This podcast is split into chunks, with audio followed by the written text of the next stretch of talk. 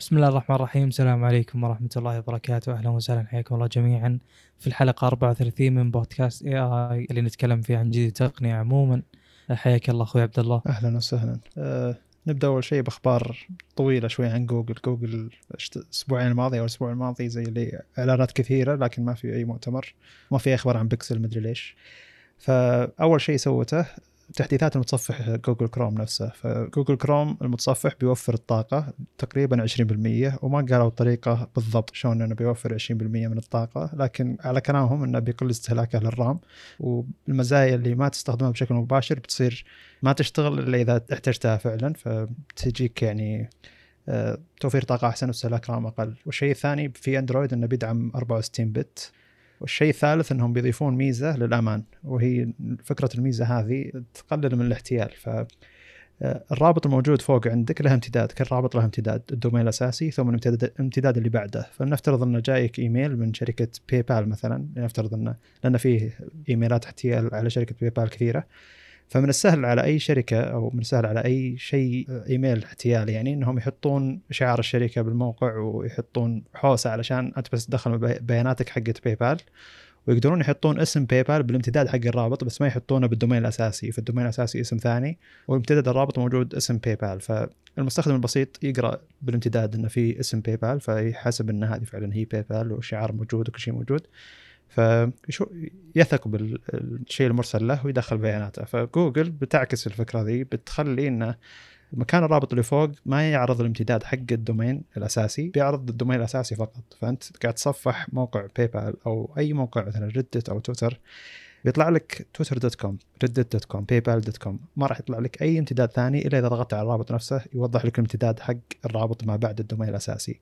هذا بيسهل على المستخدم البسيط إنه يعرف إن هذا الموقع هو الرسمي اللي أنا أستخدمه أو إن هذا domain مختلق وفي اسم PayPal بالامتد- بالامتداد مثلا أو في اي اسم لأي شركة قاعد أو ناس قاعد يحاولون يحتالون باسم شركة معينة موجود بامتداد حق الرابط. فهذه الفكرة. سووها طبعا مسبقا إنهم بدلوا آه، بدل ال HTTPS وال HTTP HTTP أقصد آه، بأن يحطون قفل بدل ال HTTPS بس ويشيلون القفل إذا كان HTTP العادي اللي هو أقل أمان على حسب كلامهم. فبدال ما أن المستخدم يحاول يكتشف انه هل هي فيها S ولا ما فيها S ويعرف مقدار الأمان بالموقع هذا مع إنه إيش صار من السهل إنهم إنه يصير أقل أمان حتى لو مع ال HTTPS بس المهم إنهم حطوا قفل جنب الرابط وشالوا ال- الامتداد ال- ما قبل ال domain حق الموقع. فبيصير نفس الفكرة على ما بعد ال domain حق الموقع.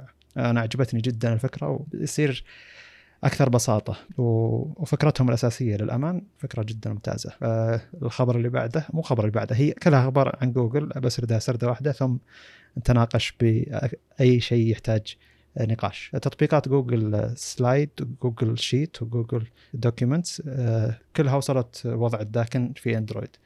وخرائط جوجل تضيف إشارة المرور في أندرويد. عند أي تقاطع فيه إشارة مرور تلقى ايقونه إشارة مرور في آه، خرائط جوجل. وهذه مدري ليش تعتبر وصلت متأخر الاندرويد أظنها موجودة في iOS مسبقا يعني. الشيء الأخير إن تطبيق Google Duo يدعم آه، 32 شخص في المكالمات الجماعية بدل 12 شخص فقط. فهذا شغل جوجل في قطاع الـ software الحين أو يعني قطاع تطبيقاتهم ومتصفحاتهم كاملة. فوش رأيك باللي قاعد تشتغل عليه جوجل بشكل مفاجئ والمزايا اللي حطتها كذا دفعة واحدة وبدون أي مؤتمر؟ وش اللي عجبك وش اللي ما عجبك آه، بخصوص موضوع الروابط آه، أنا أشوف الآن بكروم يعني من الآن يحط لك ال- اللي هو ال- الموقع نفسه الدومين بشكل فاتح يعني. بينما ال- الباقي الامتداد حقه بشكل أكثر يعني خافت نوعا ما. جميل. فما أدري وش الفرق بالتحديد اللي بشكله هذا الشيء. يعني مجرد يعني ما هو تغيير function على قولتهم ما هو تغيير الميزة نفسها. تغيير بس بال يعني كأن غيرنا من شكل معين من الـ emojis أو الرموز. أو التعابير إلى شكل آخر مثلا؟ هو الميزة ذي مو بس على كروم اللي هو الأساسي أدري والله. إذا كان صحيح توني ألاحظ الميزة ذي إن الأساسي فاتح والامتداد بالضبط. غامق شوي. إيه بس عموما بيشيلون الامتداد نهائيا ويصير إذا ضغطت على الرابط يوضح لك الامتداد كامل. أظن بيكون. شيء أرتب يعني بس انه إذا وصلت امتدادات بعيدة جدا يملي عندك المسافة ذي كاملة. فأعتقد انه بس كذا شيء أرتب يعني. هو أنا ما أدري إذا المستمعين يعني لهم اطلاع كبير بهذه الأشياء بس إنه يعني شيء جدير بالذكر. الامتدادات هذه يعني مبنية على أشياء كبيرة جدا. يعني قد تكون تتصفح داخل الموقع كأنك تصفح مجلدات داخل جهازك. فاحيانا الامتداد يكون واضح. زي مثلا تدخل على موقع كذا يجيك الرابط حقه بعدين سلاش لوجن فهو واضح أنت وين بالضبط. أحيانا لا يجيك slash يعني أحرف كثيرة ويعني وغير مرتبة وإلى آخره. بالنسبة لي طبعا الأحرف هذه آه، في أغلب الأحوال تكون آه، أشياء مشفرة يعني آه، فزي موضوع تشفير الـ password على POST وكذا. بس أنا اللي أقصده إن هذا الشيء هو الجدير بعدم الإظهار لأن هذا الشيء ما يفيدني كإنسان يعني غير قابل للقراءة صح ولا لا؟ جميل. بينما أني أتصفح بداخل مجلدات الموقع هذا بداخل الـ directory حقه أشوف إنه بالعكس أنا بالنسبة لي شيء جدا جدا يعني كشخص قد جرب يعني يطور مثلا بويب. شيء جدا واضح للقراءة جميل. جدا جدا واضح. يعني انه لدرجة إن أنا الآن ما صرت مثلا أبحث عن موقع معين بعدين أروح للوجن حقته من الـ UI وهذا شيء يعني مو بهياط طبعا ولا إني أبين كيف إني geek ولا أي شيء من هالكلام. لا بس إنه أسرع إني أكتب اسم الموقع slash login مثلا على طول. خلاص يدخلني يعني. جميل. فهمت؟ أو إني أروح ال- الأكثر يعني من شيء آخر. أو إنه مثلا إذا بنتقل لصفحه معينة ما أروح لليو اي وأدور الصفحة مثلا. اتكلم كمثال فبالنسبة لي يعني مكان الروابط هذا إذا كان شيء يفيدني وأقدر أقرأه وأتفاعل معه زي ما قلت في البداية فأفضل وجوده دائما. آه، إذا كان شيء يعني زي الآن أنا مثلا فاتح نتيجة بحث بجوجل. يا رجل ال- الرابط والله أطول من الشاشة يعني أنا شاشتي ألترا وايد حاليا. آه، حتى إذا سويت full screen مكان الرابط من بداية الشاشة لنهايتها والله ما خلص. حلو. فهمت؟ فهذه أشياء جدا ما تفيدني. يعني كلها رموز special characters تتكلم أو آه، يعني أحرف ما لها معنى ومن ذا الكلام. فهذا الشيء يعني المفروض إنه دائما ما يظهر. أسلم. طيب هو الفكرة الأساسية إن لك الخيار. يعني إذا سووا الميزة هذه وخلاص صار ما يطلع عندك إلا الـ domain الأساسي ما يطلع أي امتداد لو تضغط click يمين على مكان الرابط وتقول له آه، في خيار إنه إظهار دائم لل- للامتداد فلك الخيار إنك تخليه يظهر الامتداد كامل. أو يلغيه ويحط لك بس الدومين الأساسي. بس هم يبون إن المستخدم العادي اللي ما يفهم وش هو الامتداد يصير عنده يعرف وش هو الموقع الأساسي وخلاص يعني ما يقعد ينحاس. معليش بس روابط التأكد من الخدمات رابط صفحة مثلا آه، مصرف مثلا بنك موجود عندنا الرابط حق الامتداد إنه يتأكد من رمز سري أرسل أو شيء. في العادة إنه يكون خدمه خدمة أمنية ثانية ما هي تبع الموقع حق المصرف نفسه. فتلقى الامتداد في البداية أو الموقع في البداية مثلا ما هو اسم المصرف ثم يجيك الامتداد بعده. لا يجيك خدمة جديدة ثانية أيضا حقت سكيورتي مثلا متعاقدين معها المصرف ويعني زي اللي يعطيك إياها زي كذا. فاعتقد إنه الناس حتى لو إنها شافت في في البداية آه، زي الاسم ثاني ما هو اسم الشركة نفسها أو اسم الشركة موجود آه، ضمن الامتداد يثقون بالرابط هذا لأن قد قابلوها أكثر من مرة من أكثر من آه، مصرف عندهم يتعاملون معه. فهذا شيء يستغلونه حقين الاحتيال إنهم يحطون أي اسم له علاقة بال security ثم يحطون ضمن الامتداد اسم الشركة اللي هم قاعد يحتالون باسمها. فزي اللي هم يبون يخلون البنوك أو يعني باي بال بالذات يعني هو دايم ما أدري ليش قاعد يعني الشخص الأشخاص اللي يشرحوا الفكرة دي يشرحوها دايم على باي بال فأنا قاعد أشرحها على باي بال عشان يكون شيء أساسي. فباي بال نفسه يتعامل بشكل أساسي هو ك ك كمصرف يتعامل هو بالأمان حقه بكل شيء له هو نفسه.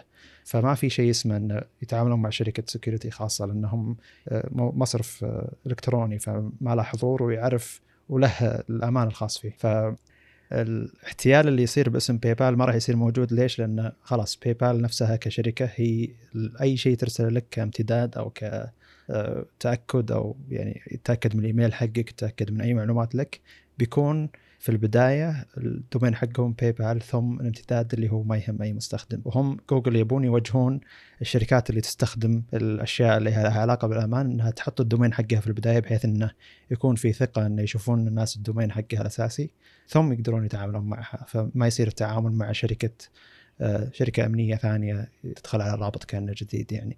وهذا شيء مخيف صراحة يعني إنك أنت داخل على مكان تدفع آه، فلوس يعني مثلا على الفيزا أو أي شيء.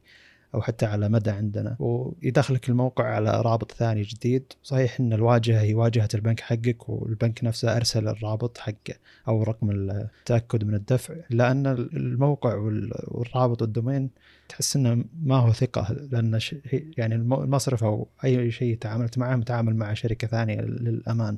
فشيء شوي مخيف. لكن هذا الشيء اللي إحنا تعودنا عليه هو خلانا نثق أكثر في الشركات اللي قاعد تستخدم بالطريقة الصحيحة اللي مثل باي بال آه يعني إذا شفنا رابط في البداية والامتداد في اسم الشركة نثق بالشيء ذا. فهذا شيء زي اللي تعودك على شيء ذا خلاك ما تشوف الاحتيال شلون صاير. فجوجل تبي توجه الناس أو حتى المصارف إنها تستخدم الـ domain حقها وسيرفراتها حتى لو تعاقدت مع شركات لها علاقة في الأمان. وهذا التوجه الأكبر إنه آه، يبون المستخدم لازم يشوف الـ domain الأساسي حق الشركة علشان يثق بالرابط المرسل أو أي شيء مرسل أحس الموضوع أكبر جميل. مني عموما لكن جوجل شرحته بالطريقة صحيح. هذه يعني صحيح أتكلم ان يعني في مسؤوليات أكبر بكثير وصعب إن نحصل الموضوع يعني أكيد إنه ما مو بسهل ابدا. بس في أشياء أيضا يعني تجدر بالذكر.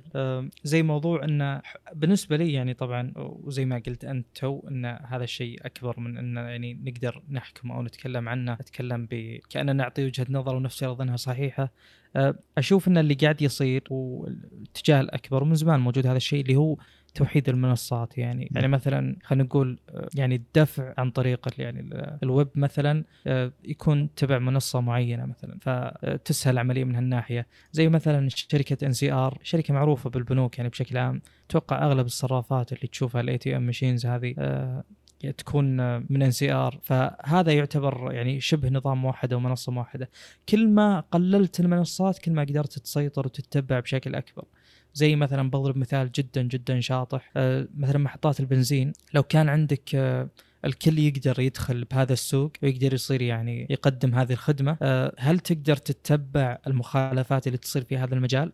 بيكون تتبعها صعب جدا. بينما لو كان عندي مثلا خلينا نقول ثلاث شركات في دولة كاملة لو صار في مخالفة من محطة أنا ألوم الشركة بكبرها فهمت؟ فيكون تفاهمي يعني أوضح مع الجهة هذه اللي أبي أتفاهم معها. فبالنسبة لي المثال جدا مشابه بموضوع منصات الدفع وغيره. لو وحدتها أقدر أتبعها بسهولة ولو صارت في مشاكل أقدر أوصل للمشاكل يعني بسهولة أكبر. بينما لو صار كل يجتهد الحالة يعني هذا شيء معروف جدا يعني تطوير البرمجيات عموما.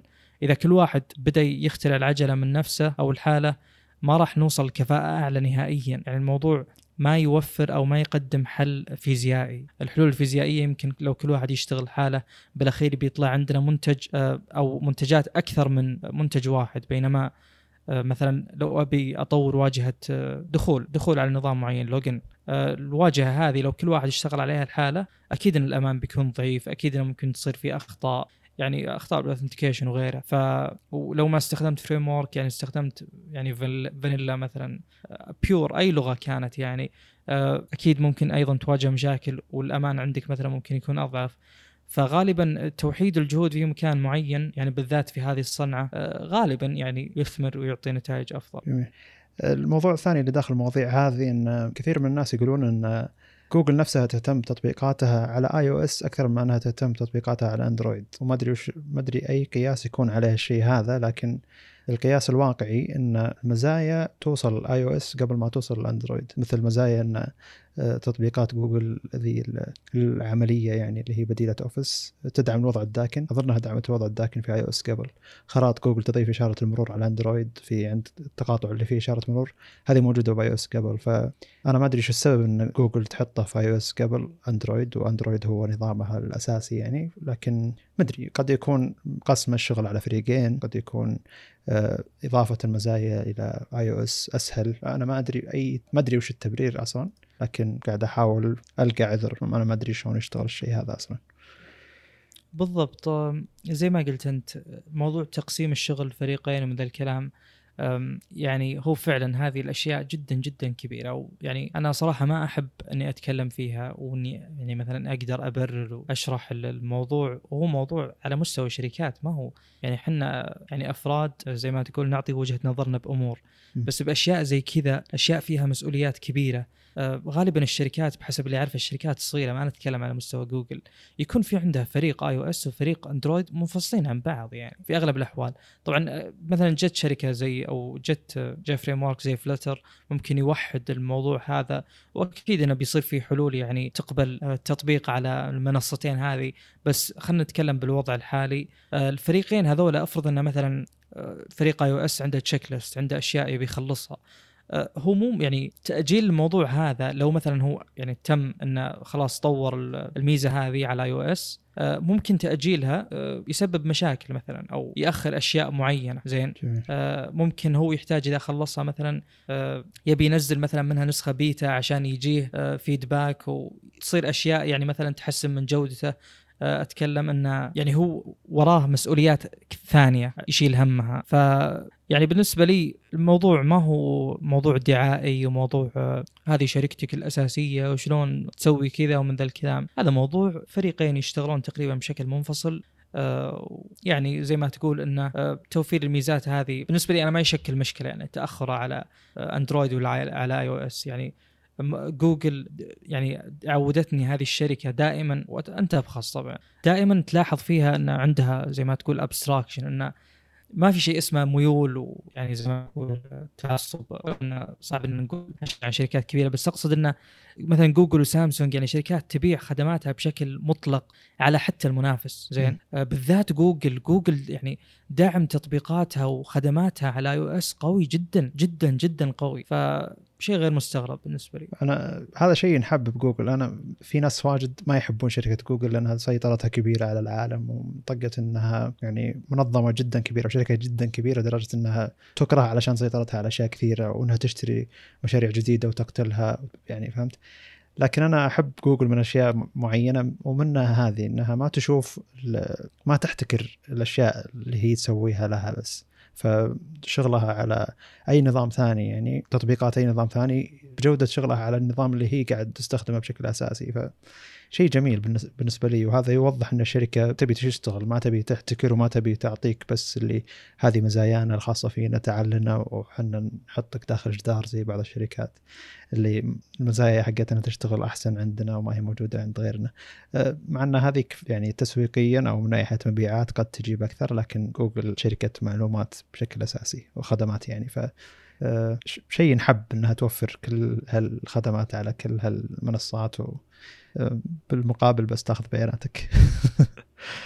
أه، يبين يعني آه، أكيد الشركة ما وفرت هذه الخدمات إلا يعني في حاجة تبي توصل لها بس إن هذا موضوع أسهبنا في الحديث عنه يعني. طيب آه، الشيء الأخير إن تطبيق آه، جوجل دوو آه، يدعم 32 شخص في المكالمات الجماعية بدل 12 شخص فقط. أنا من تجربة صراحة يعني والحين الاجتماعات واللقاءات صار كثيرة على جوجل دوو. آه، بساطة استخدام التطبيق هذا هي من أفضل الأشياء اللي ممكن تجربها. فأختي الصغيرة لما تستخدم زوم مثلا آه، تتعقد تقول حتى جايتني تقول شلون أقلب الكاميرا؟ ما هي قادرة تقلب الكاميرا. ف وغير واجهة التطبيق أسلوب أنه يرسل لك رابط علشان تقدر تدخل الاجتماع. وفيه تعقيد بزوم زايد صحيح أنه يعني آه، شوي آه، العدد اللي فيه يقدر الناس اللي يقدرون يدخلون فيه أكبر ويعني تعرض شاشة واحدة بنفس بالوقت الواحد يعني ما ما يعرض كل الناس اللي مشغلين الكاميرا. فيعتبر شيء جيد يعني. في مزايا ما هي موجودة بجوجل دو. لكن كاجتماع عام بين أشخاص كذا معينين أو آه، كاستخدام للتطبيق ومزاياه ما لقيت شيء بالبساطة هذه بالجودة هذه. يعني كل شيء متوفر قدامك بكل سهولة تقدر تغير أي شيء. ومن الممتع جدا استخدام شيء سهل إلى هذه الدرجة. فالحين وصل إلى 32 شخص في المكالمات الجماعية. جيد. بالنسبة لي آه، شوف آه، نحتاج نفصل في هذه النقطة. أتوقع الشيء الأول ال UI بزوم على ال- على الجوال. سواء iOS ولا آبل آه، سواء iOS ولا أندرويد. آه ترى سيء جدا يعني جدا جدا جدا إلى أبعد درجة. م. الواجهة جدا قديمة وجدا سيئة وما هي intuitive على قولتهم. يعني ما أدري شلون أوصف لك قدر السوء آه جربته جربته أنت مجربها طبعا. م. اي بس أنا أقصد إنه يعني هذا عيب هذا عيب علميا كمعيار علمي. آه هذا عيب هذا شيء غلط ما هو تفضيل. ما هو إني والله أفضل iOS على اندرويد ولا اندرويد على iOS. ولا واجهة مي MIUI على واجهة سامسونج مثلا One UI. فهذا هذا- شيء يعتبر غلط تماما بس إنهم مو مرعين اهتمام له. مقارنة زوم بدو طبعا ما ما هي على قولتهم apples to apples ما, ما هي نفس المقارنة أصلا. م. في جوجل ميت الظاهر هو ال- اللي المفروض يقارن بدو يقارن بزوم آه، دو فعلا مثل ما ذكرت أنت ميزته إن إن يعني واجهته ميزتها انه ما في واجهة أصلا. يعني من تدخل خلاص على طول للاكشن يعني. تبي تتصل ولا يفتح تطبيق يعني تجيك مثلا يجيك اتصال. فهذا الشيء سرع العملية بشكل كبير وأتوقع ال usability اللي هي سهولة الاستخدام يعني أو قابلية الاستخدام آه، جدا جدا ممتازة بدو يعني فعلا فعلا يعني توجيهها للفئة هذه أشوف إنه 100% جميل. مرة ممتاز يعني من هذه الناحية. إيه فتحسه هو تطبيق للأجهزة المحمولة والاجهزه الذكية كذا موجه فعلا للقائمة هذه وحتى لو فتحته على الكمبيوتر أو على اللابتوب يعني. ما يزال بواجهة قريبة ببساطة جميلة يعني فيعتبر شيء جيد. آه، من ناحية إنه المستخدمين ال- اللي بس مجرد تواصل يهمهم لكن كجامعات ولقاءات واجتماعات معني أنا ما جربت جوجل ميت يعني لكن جربت زوم جيد على اللابتوب لكن على أي جهاز ذكي ثاني تطبيقهم غير قابل للاستخدام نهائيا يعني سيء جدا. تحس إنك قاعد تستخدم آه، تطبيق يعني عام 2011 طالع وكذا. طيب آه، ننتقل. انتقل جميل. آه، الخبر هذا أو الموضوع هذا يخص المعالجات رايزن الجديدة ال XT اللي تعتبر آه، تحديث طفيف جدا على ال- اللي هو الجيل الأساسي. اللي صار هنا أنا تقريبا يعني زي ما تقول أنت نزلت قطعة هاردويريه جديدة. بعد فترة يعني وجدت طريقة لاستغلال الأداء بشكل أكبر. أشوف أن نوعا ما يعني الفكرة إحنا طبعا تكلمنا عنها قبل ذكرنا المواصفات فما راح نذكر المواصفات الان نذكر تجارب الأداء فقط. ف آه، يعني اللي صار إنه محاولة تحسين الأداء وبنفس الوقت يعني تجديد السوق. يعني المعالجات السابقة موجودة من زمان هي من جولاي 2019 فلها فترة طويلة جدا آه، يعني لها سنة. فوجود هذه بالنسبة لي شيء ممتاز صراحة. بالنسبة للشركة أتكلم بالنسبة لرايزن نفسهم.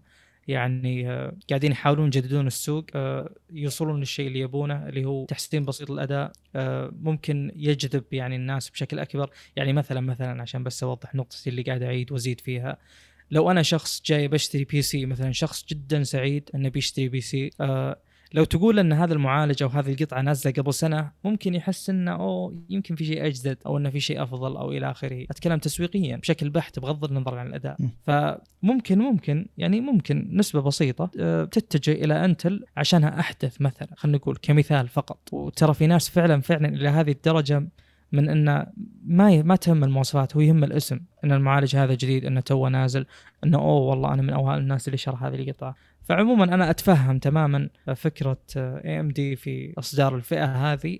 ولو ان يعني الجيل الجديد من Ryzen اللي هو ال 4000 المفروض إن نفس الفكرة يستغل ال- ال microarchitecture هذه لكن ممكن ممكن تتغير يعني. تصير الزن 3 يعني الموضوع معقد شوي بس ممكن تتغير بس ما هو التغيير الجذري اللي صار بالزن 2 أه، زين؟ جميل. ال- ال- الفرق اللي كان متوقع يصير بالذات بال 3900 ال XT مقابل ال X بسبب إنه مثل ما ذكرنا أكثر من مرة قبل إن المعالج هذا في شوية ارتفاع بالحرارة. آه، يعني ما هو optimized بشكل ممتاز. آه، ففعلا آه، تحسن موضوع الحرارة نوعا ما. آه، يعني قدر بنفس الحرارة يعطيك أداء أفضل. آه، هو أكثر واحد بحسب تجارب الأداء اللي شفتها اللي تحسن أداءه. وأيضا طبعا نزل اللي هو 3700 XT و3600 XT. هناك أنا ما أشوف إن الفرق يسوى. آه، الفرق جدا بسيط ترى. التحسن يعني ما هو بذاك التحسن. آه، لو سألني شخص يعني يقول لي هل آخذ ال 3900 X ولا ال XT طبعا الفئة الجديدة هذه الجيل الجديد آه، كله بنفس السعر القديم السعر المقترح للبيع وليس سعر السوق طبعا. فلو كان سعر المعالج 500 دولار كسعر مقترح فالسعر الجديد 500 دولار.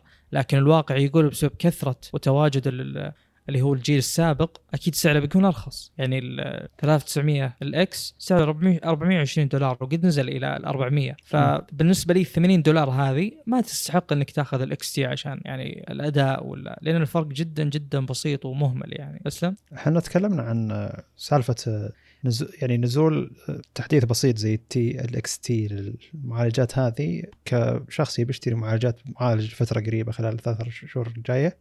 ممتاز لي لأنه ينقص السعر الأساسي. يعني سواء بالضبط. بغيته ولا ما بغيته ينزل السعر الأساسي اللي أنت كنت ناويه يعني. فلو ما نزل نسخة ال T ال XT يعني يبقى ذاك حافظ على سعره لأن عليه الطلب عالي يعني. صحيح. في نقطة دام ان ذكرنا هذا الموضوع بنجيب طاريها اللي هي تخص Intel والجيل الجديد. يعني هو دائما نذكر المنافسة بتفيدنا كمستخدمين وإلى آخره. من الأمثلة الواقعية لهذا الشيء يعني الجميع يقول أو الجميع ينظر إلى هذا الموضوع هو ما يحتاج إن الجميع ينظر هذا شيء يعني واقعي وواضح اللي هو إن Intel الآن بالجيل الجديد ما نقصت اللي هو ال manufacturing process أو ال lithography process ما نقصتها من 14 إلى شيء أقل هذا اولا. آه ثانيا يعني الأداء أو معليش مواصفات المعالج كلها يعني مثلا ال i9 9900K المقابل له ال 10900K زاد نواتين وزاد ال maximum frequency إلى 5.3 زين؟ م. فكل المؤشرات تقول إن المفروض الحرارة تصير أعلى ال TDP يصير أعلى الحرارة تصير أعلى المفروض المعالج يتبخر أثناء العمل لأنه مو مو منطقي يعني اللي يصير. ف يعني النتائج حقت الاختبارات الأداء مفاجأة. يعني تقريبا حل التبريد حقه ممكن يكون يعني يعني مع زيادة الأداء هذه يكون حتى أبرد من الجيل السابق. وش الحل؟ وش صار؟ شلون سويتوا كذا يا Intel. أه تكلم أكثر من شخص عن هذا الموضوع.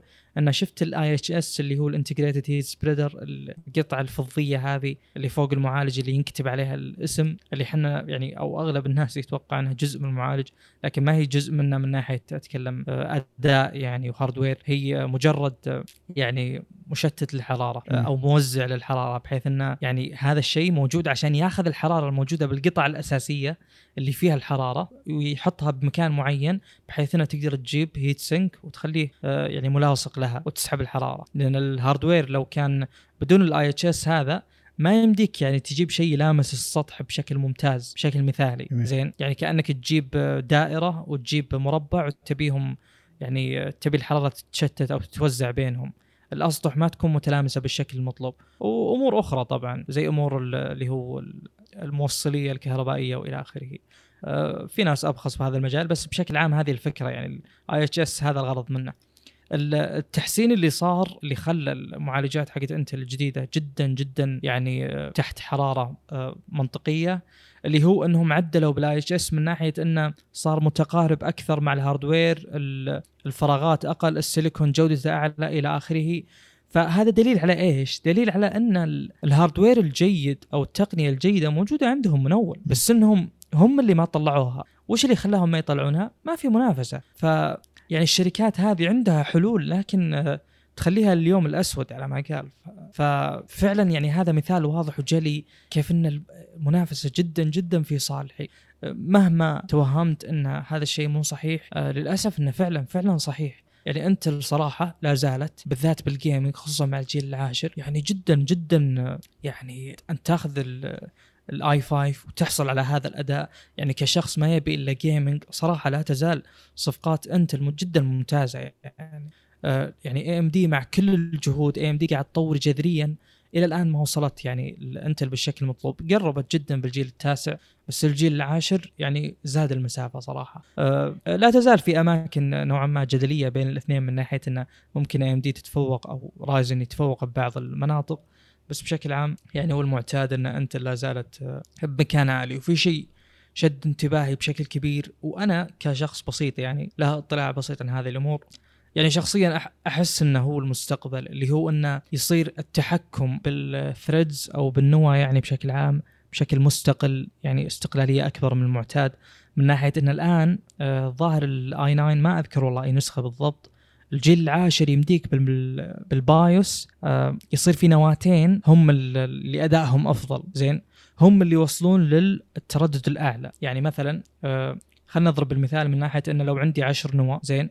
العشر نواه هذه كلهم لازم يكونون بنفس التردد. فأنا يوم أجي بشغل لعبة أبي أعلى تردد ممكن صح؟ جميل. عشان يعني آه، غالبا التردد الأعلى يفيد الألعاب بشكل كبير جدا. فلو كل النواه بنفس التردد ما أقدر أوصل إلى مراحل عالية بسبب الحرارة. زين؟ فاللي صار بأنتل أنه لا في تحكم مستقل بنواتين. هذا اللي فهمته طبعا هذا اللي بحثت عنه اللي قرأت خلاصه قراءتي. يعني ممكن يكون في شيء أنا مو فاهمه تماما. بس بشكل عام اللي شفته إنه تحكم بشكل منفصل معناه إنه خل كل النوى الباقية باردة خل كل الحرارة مصدرها هذه النواتين والمبرد خل مسؤوليته هذه النواتين فقط وأحصل على الأداء اللي أبيه تماما. ما أحتاج إني أشغل باقي النوى آه، بشكل يزيد الحرارة ويزيد العبء على المعالج بشكل عام. فبالنسبة لي scalability هذه هي اللي بالضبط نحتاجها. كل يعني طاقة حقت المعالج تكون على قولتهم on demand يعني المورد أو المصدر اللي يحتاج الطاقة هذه أو الأداء هذا أنا أعطيه إياه بشكل مستقل عن الباقي. فكل ما يعني صار التحكم بالنوى بهذه الاستقلالية أتوقع بنوصل إلى كفاءة أعلى بشكل كبير. اولا يعني توفير الطاقة بيكون أفضل وأيضا بيكون آه، يعني resource allocation أفضل من هذه الناحية. جميل. في تعليق ولا تبي أنتقل الكانون لا آه، فيه موضوع موضوع نقزناه أو موضوعين نقزناهم. آه، أول شيء مايكروسوفت بدأت تشتغل على النسخه الثانية من جهاز Surface Duo الأصل أنها ناوية تنزل الجهاز الأساسي مو النسخة الثانية قبل الموعد المقترح اللي هو مع نهاية السنة. ممكن تنزله قبل علشان يسبق آه، جهاز سامسونج Galaxy Fold أو Flex الجديد أيا يكن يعني. بس هم يعني خايفين من منافسة جهاز سامسونج الجديد فيبون ينزلونه قبل غير كذا أن المحاكي للنظام الجهاز موجود. أي شخص يطور تطبيقات الأندرويد أو اي صحيح يطور تطبيقات الأندرويد يقدر يجرب تطبيقاته على المحاكي حق نظام الجهاز هذا. فعلشان يشوف إذا آه، شلون يعرض التطبيق على شاشتين وش ياخذ التفاصيل من هنا والتفاصيل من هنا كيف. فالفكرة أن اشتغلوا من ناحية أنهم يتعاونون مع المطورين علشان يحسنون التجربة للشاشتين والمحاكي صار موجود. فالحين يبون ينزلون الجهاز هذا بأسرع وقت وقاعد يشتغلون على النسخة الثانية من الجهاز. الدليل أنهم آه، عندهم تفاؤل في أن الجهاز هذا قد يحصل مبيعات وقبول عند الناس مع أن يعني المنافسة أعتقد أنها بتكون أقوى مع تجربة سامسونج للجهاز الأول وتجربتها للجهاز الثاني اللي بيجي مع أنه شاش لشاشة واحدة كبيرة بدل ما هي شاشتين ويخصص لها تطبيقات شلون تشتغل معها. مع أني في البداية كنت متحمس للجهاز هذا لكن مع تأخير هذا غير جيد. بس النقطة الجيدة الوحيدة أن مايكروسوفت عرفت أن أندرويد له مكانة كبيرة في السوق واستخدمت النظام هذا بدل ما أنها تكمل على نظام Windows Phone مدري إذا كان موجود للحين. شوف أنا ممكن تكون يعني وجهة نظري سطحية. قد ذكرتها طبعا أكيد اللي متابع يعرف. آه هذا الجهاز بغض النظر عن تأخيره يا أخي يا أخي التصميم يا أخي. م. يعني هذه مشكلة صعب تجاوزها. يعني هذا ما هو من الأشياء اللي ممكن ما تلاحظها كل يوم. كل ما مسكت الجهاز بتشوف هذا الشيء يعني هو يقعد يذكرك كل مرة في كيف إنه يعني شكله قديم جدا جدا جدا. ويعني تقريبا كم أخذ الآن؟ يعني أخذ أشهر أخذ فترة طويلة ولا نزل ولا له أي صدر بالسوق يعني. يعني أنا أحس إنه آه، الفريق اللي مسك هذا الشيء يعني زي ما تقول أو إنه مو مو هي ما هي مشكلة الفريق نفسه. هي مشكلة يعني توزيع الموارد بالنسبة لمايكروسوفت إنه يعني واضح إن هذا الشيء ما كان من أولويات الشركة نهائيا يعني. يعني في مشاريع جميلة جدا آه، تواجه أخطاء قاتلة بسبب إن ما في موارد يعني كثيرة لتطوير هذا الشيء لكن الفريق اللي مشتغل عليه فريق جدا طموح. يعني أذكر من ضمن الأمثلة شيء شاطح أيضا جدا آه، اللي هو في سيارة اسمها بونتياك فييرو شركة بونتياك. السيارة هذه mid engine محرك وسطي بالخلف. السيارة جت بأربع سلندر آه، هم كانوا يبونها تكون سيارة أداء بس الشركة تبي إن السيارة تكون آه، سيارة اقتصادية فنزلت بأربع سلندر بالبداية. آه، أغلب المواد المستخدمة بالسيارة هذه يعني الشركة تقول للفريق اللي يطور السيارة هذه أن استخدموا موارد موجودة بسيارات أخرى وبمشاريع أخرى. يعني مثلا body panels على قولتهم قطع من ال body ولا الجنوط ولا الشاصي مثلا أشياء زي كذا المسجل العدادات إلى آخره. فعشان يعني هو الفريق طموح مفروض إنه يعني يعني جدا متحمس طبعا هذه السيارة. لكن الأخطاء اللي واجهتها كانت جدا قاتلة من ناحية إنه آه، مثلا السيارة كانت تحترق آه، واجهت مشاكل كثير جدا آه، مشاكل واضح بسبب قلة الفلوس يعني. فبالنسبة لي هذا المشروع يعني أتوقع بحسب اللي شفته بالمؤتمر وأذكر تكلمت أنت عن الشخص اللي قدم المؤتمر واضح إنه في حماس للمنتج بس إنه أيضا نفس الكلام يعني واضح إنه في أشياء طمرت الطابور وجت قبله ويعني باقي باقي عليه يعني. شوف. يعني أنا التساؤل اللي أسأله معليش اللي هو ليش مثلا نزل ال Pro X أسرع بشكل كبير جدا من هذا فهمت؟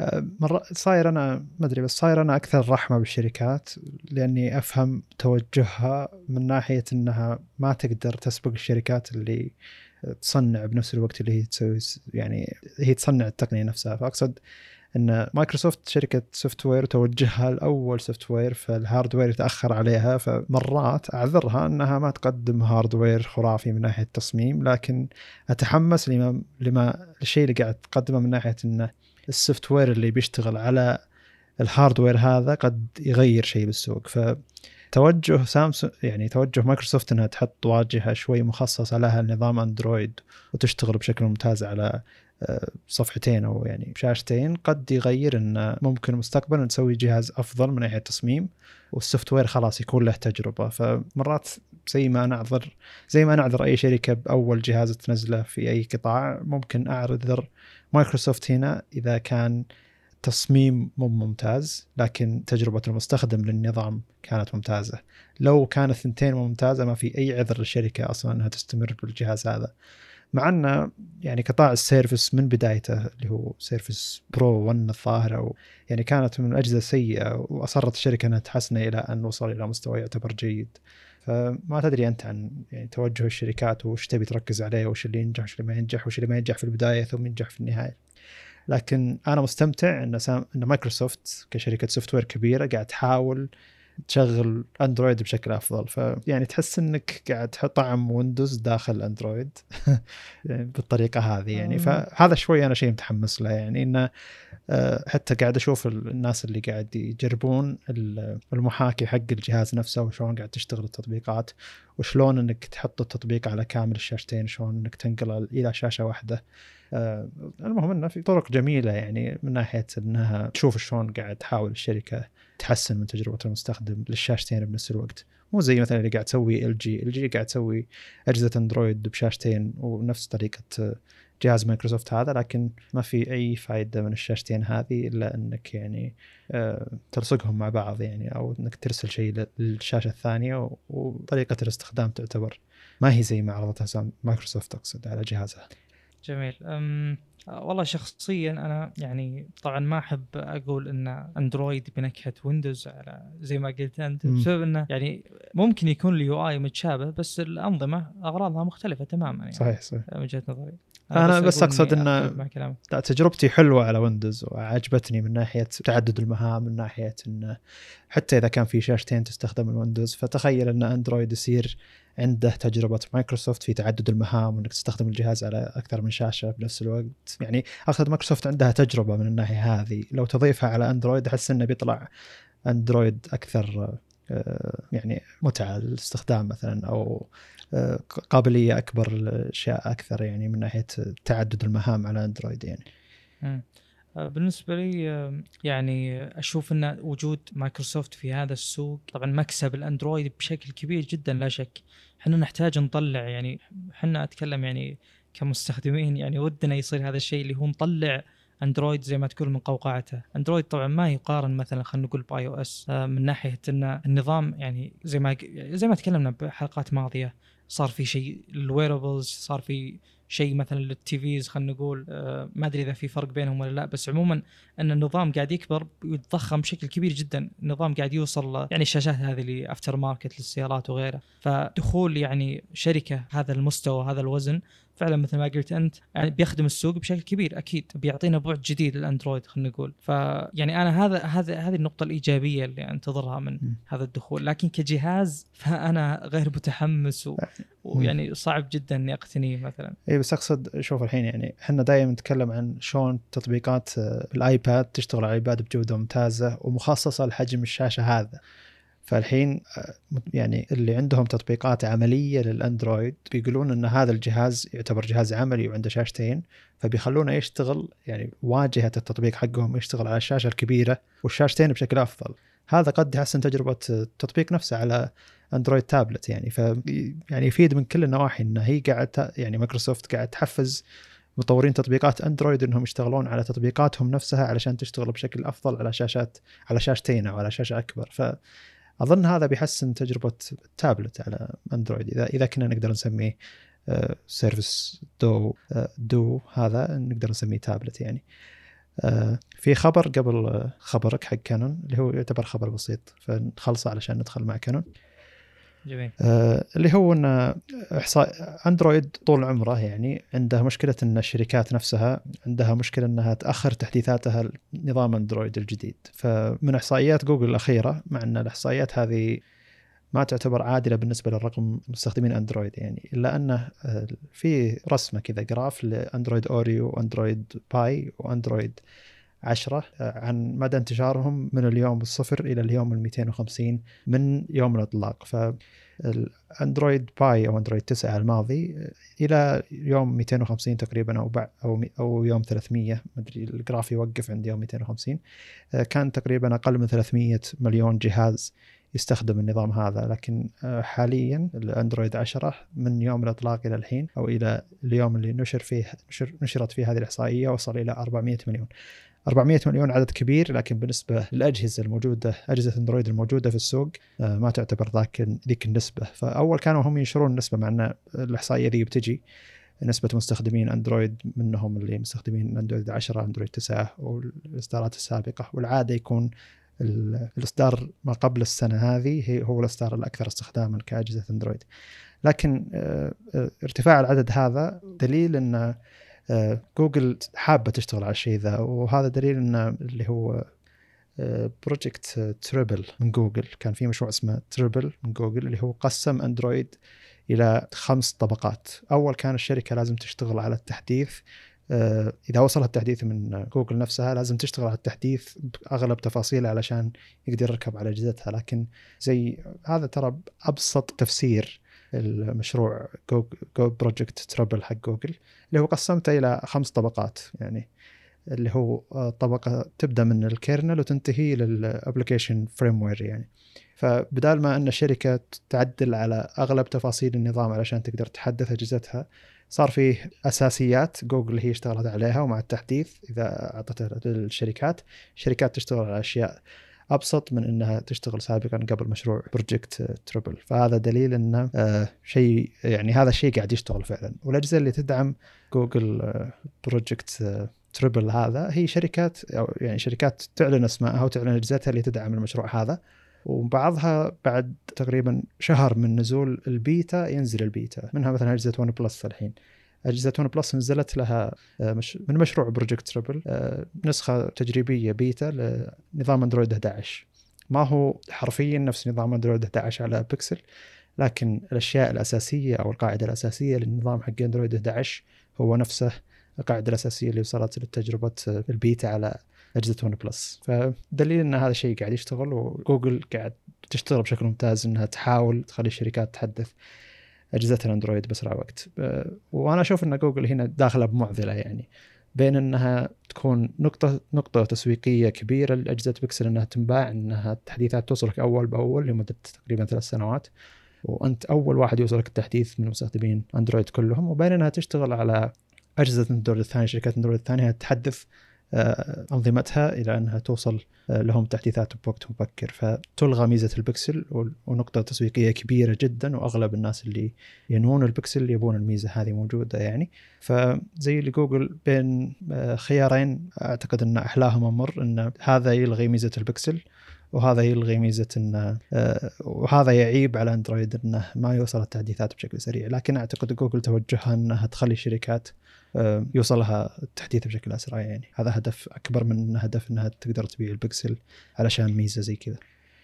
جميل. زي ما تناقشنا قبل البودكاست انه يعني بالنسبة لي موضوع إنك تعتبر أتكلم بشكل عام يعني أه، تحديثات البكسل سرعتها أنا ما أشوف إن هذا الشيء المفروض يحسب كميزة. أتكلم الشركة المفروض ما تعتبر هذا الشيء ميزة لها. إذا تبي تخلي فيه ميزة وشيء يميز يعني أتكلم بشكل عام البكسل عن أه، باقي المنافسين المفروض الميزة هذه تكون حصرية. السبق يعني شيء غير واضح تماما وغير ثابت تماما. يعني ممكن الشركات تتغير بسرعة تحديثات اجهزتها فالتحديث المفروض إنه ما يحسب كميزة. هذا الشيء الأول بالنسبة لي. الشيء الثاني يعني الموضوع والله صراحة معقد. يعني الشركات غالبا أكيد عندها أولويات. فيعني تحديث النظام أتكلم للأجهزة القديمة هذا يعتبر شيء أنت أخذت ربحه معجل صح؟ يعني أنت بعت الجهاز بعد يعني إلى بعد سنتين البيعة تقريبا بشكل رسمي ما انتهت تتكلم كمدفوعات مستحقات يعني. جميل. فعشان كذا الشركات غالبا تبدي أشياء أخرى على موضوع التحديثات. أنا بالنسبة لي صراحة يعني يعني دائما أتفهم هذا الشيء. آه يعني إن كل جهاز له اوبتمايزيشن يعني معين فيه مثلا. فموضوع الاختبار وكذا فأشوف إن الموضوع ما هو بذيك السهولة. آه يعني الناس تحرص على التحديثات تتكلم كسبق تحديثات. إذا كانت حل مشكلة نعم أنا أتفق معك واتفهمك تماما. بس كحصول على ميزات يعني المسألة تمر بأمور معقدة خصوصا في أندرويد إذا كانت واجهتك ما هي خام. فأنت كم عندك؟ يعني الموضوع كم بيحتاج يمر على يعني فئة؟ بيحتاج يمر بمراحل كثيرة يعني قبل لا يوصل لك. ف يعني مثل ما قلت ان موضوع سبق التحديثات يعني أنت مثل مثل ما تشوف ومثل ما جربت ون بلس جدا سريع بالتحديثات. فوش الوضع يا بكسل؟ خلاص راحت الميزه اللي عندك اللي الأبرز تعتبر. فما ما يعجبني هذا ال approach إيه. بس أقصد انه أعتقد انه نفس كلامنا في البداية إن القطاعات هذه مفصولة، قطاع اللي يشتغل على تحديثات أندرويد هو قطاع مفصول عن قطاع تطوير بيكسل وميزاته وتسويقه. فزي صح. اللي لا أنا بشتغل عن جوجل بشكل عام. اي بس أنا بشتغل انه يعني اللي اللي يشتغل على نظام أندرويد عنده أهمية كبيرة إن نظام أندرويد يوصل له التحديثات بشكل أفضل على كل الأجهزة. الشخص اللي متصل يعني أقصد أنا برسل لك الرابط حق شرح فكرة أندرويد آه، اللي هو Project Treble هذا. إذا كنت يعني أعتقد إنك تفهمه بشكل أفضل مني يعني. فالفكرة إن تطوير جوجل الاشياء الدقيقة هذه اللي هي مثل Project Treble أو إنها تجبر الشركات إنها مثلا خلال 90 يوم من إصدار الجهاز أو إذا نزل النظام الجديد ما في أجهزة بعدها جديدة تنزل بالنظام القديم. هذا دليل حرص من أندرويد على إنه يعطي تجربة أجدد يعني والنظام الأخير هو اللي المفروض يوصل للناس مو يوصلهم النظام القديم. وخاصة إذا كان النظام عمره مثلا سنتين أو أكثر. قد يقابل مشاكل مع يعني التطبيقات اللي تحديثاتها جديدة تستخدم آه، يعني أنظمة جديدة للتجارب فما أدري إذا كان هذا شيء يعتبر قابل للقياس يعني لكن عموما شخصيا لو إني لو يعني من وجهة نظر شخصية أشوف إن أندرويد كنظام تشغيل هو أهم من جوجل بيكسل كجهاز مجرد جهاز ينزل كل سنة. يعني آه، نظام التشغيل هو شيء عمره أطول ونجاحه مضمون بشكل أكبر من جهاز كل سنة ممكن ينجح ممكن يفشل، جهاز هالسنة ممتاز، جهاز السنة اللي بعدها سيء، يعني احتمالية النجاح والفشل سريعة جدا، لكن نظام التشغيل آه، وتطويرك عليه هو آه، ضمان المدة أبعد أنه ينجح النظام هذا. فأعتقد أن نظام التشغيل عند جوجل له أهمية أكبر من جهاز البكسل الوحيد يعني. الموضوع هذا أشوف أنه يعتبر حقيقة ما غير قابل يعني لتدخل وجهات النظر من ناحية أن يعني جوجل طول عمرها كانت ولا زالت شركة بيع خدمات بشكل أساسي أو شركة توفير خدمات بشكل أساسي آه، وليست شركة hardware نهائيا يعني آه، فصل البكسل كعلامة ما جاء إلا مؤخرا أصلا. ولا قبل كانت حتى حتى brand جوجل ما أذكر أنه كان موجود على الأجهزة. يمكن في بعضها النكسس ما أذكر والله. بس يعني أذكر آه، يعني نهائيا ما كان لها تدخل هاردويري ولا فرض يعني مواصفات معينة. آه، عموما آه، يعني فعلا آه، يعني دائما إحنا نتوقع جودة وأداء جيد من خدمات ال software يعني المقدمة من جوجل. لكن ك hardware فممكن تصير في سقطة هاردويرية تأثر على كل شيء موجود بالنسبة لجوجل يعني. طبعا صعب إنك تحكم على شركة كاملة يعني من خلال جهاز معين بس أنا أشك صراحة بالقسم يعني المسؤول عن الأجهزة بشكل عام. أتكلم الأجهزة الهاردويرية حقت ال end users والمستخدمين عند جوجل. في في مشكلة صراحة في عدم تناسق. يعني الجهاز مو ماسك مسار معين يعني هو مو ماسك مسار معين وخلاص آه، يعني مستقر فيه. يعني هو ما هو ايفون مثلا. إحنا دائما ندري أن كمواصفات هاردويريه غالبا يكون أقل مثلا. لكن كأداء ممكن يعوض عن هذا الشيء. هو ماسك هذه السكة بالضبط. بينما البكسل مو واضح يعني. يعني مرة يجيك أوه والله مقبول قابل للشراء. البكسل الأول أذكر كان عليه طلب كبير جدا. بعدين بدأ يعني بدأت تصير المشاكل اللي يعني في عيوب ما ما أقدر أخذ الجهاز يعني عقب ما يعني أعرف عنها. أسلم. طيب آه، أدري حس حسين انتهيت هنا. أنا ما أحب أنتقد جوجل بيكسل بزيادة لأن يعني انتقدناه كثير وكافي وأعتقد إنه جميل. حتى تأخيرهم للجهاز السنة هذه دليل إنهم يعني ما عندهم ثقة كبيرة إنهم ينزلون الجهاز بفترة حالية يمكن قاعد يأجلونه كل فترة يعني. فما ادري إيش السبب جميل. لكن آه، يعني إنهم يتأخرون وينزلون جهاز بجودة أفضل أفضل من إنهم كل شوي ينزلون لنا جهاز مترددين في وش الميزة الأساسية اللي فيه يعني. جميل. طيب آه، نذكر ال EOS R5 إي نعم. آه، في كاميرا الظاهر تكلمنا عنها. والله أنا ما أذكر إذا تكلمنا أو لا بس عموما يعني ثق تماما إن ما جاء طاري كاميرات ونوعا ما موضوع آه، يعني ما هو نفس الموضوع الأساسي بشكل يعني مطابق تماما. ما ذكرناه إلا لوجود آه، أهمية كبيرة على يعني السوق هذا بشكل عام. آه، يعني فعلا فعلا اللي صار هذا مؤثر جدا اللي هو آه، كانون أعلنت عن هذه الكاميرا قبل فترة آه، حاليا آه، يعني يمديك تطلبها. الكاميرا هذه تعتبر نقلة نوعية بشكل كبير. ما هي من عبط كانون الموجود سابقا اللي يعني التركيز على أشياء جانبية وإهمال جوانب أساسية. آه، الكاميرا هذه ما أشوف إنها سببت خطر على المنافسين فقط. الكاميرا هذه انسفت ال lineup حق كانون كله. صار كله ما يعني شيء يعني. آم، قبل يعني أحس إن القطاع حق ال EOS بكانون يقول كنا بخير قبل. يعني قبل لا تجي هذه الكاميرا. لأن كانت فعلا كل فئة لها تركيز معين أو كل فئة يعني تقريبا آه، يعني هم على شكل هرمي. يعني في هذه الكاميرا أحسن من هذه. خلاص. هي أحسن. ما هو زي مثلا بسوني اللي هو 7R 7S فهمت. فكانت آه، يعني من ال 6D ال 5D إلى ال 1 D التحسن تدريجي وواضح جدا.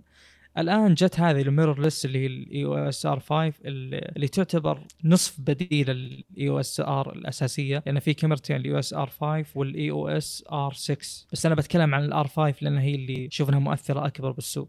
طيب وش الشيء ال- يعني المفاجئ؟ اللي هو وجود 8K ب 8K 30 frame. أه، ممكن بعض الناس ما يشوفون هذا الشيء يعني جدا جدا مبهر لأنه الأصل إنه ما راح يستخدم حاليا يعني أغلب الناس يقولون ما راح نستخدمه. أم، آه هذا الشيء ما مو مو بالشيء الأساسي. آه الشيء الجديد اللي على كانون اللي هو وجود ال IBIS ال in-body image stabilization المثبت البصري داخل الكاميرا نفسها اللي موجود بأغلب المنافسين أو تقريبا كلهم. آه هذا شيء جديد على كانون نفسها. وجود 4K 120 هذا شيء يعتبر بالنسبة لي أتكلم شخصيا جدا جدا جدا مبهر. 4K 120 موجود بكاميرات ثانية بس إنها غالبا تكون كاميرات entry level بالسينما زي ال Blackmagic اللي هي ال Blackmagic Pocket Camera Pocket Cinema Camera ال 6K منها تصور 120 على 4K نسخة 6K اسمها 6K تصور 4K 120 آه، تصور RAW هذه نفس الكلام بس وش اللي يفرق بين الاثنين؟ ليش ال 4K ممكن الموجود بال R5 أفضل من ال BMPCC 6K السبب أن هذه بتوفر لك اللي هو ال IBIS المثبت وبتوفر لك focus ال focus بيكون مستمر حتى أثناء التصوير. البي ام ال continuous focus المستمر. فوجود هذه الميزتين وبالإضافة إلى وجود أن ما في crop رغم إني مستخدم كل هذه الأشياء يعتبر شيء كبير جدا جدا وغير معتاد بالسوق.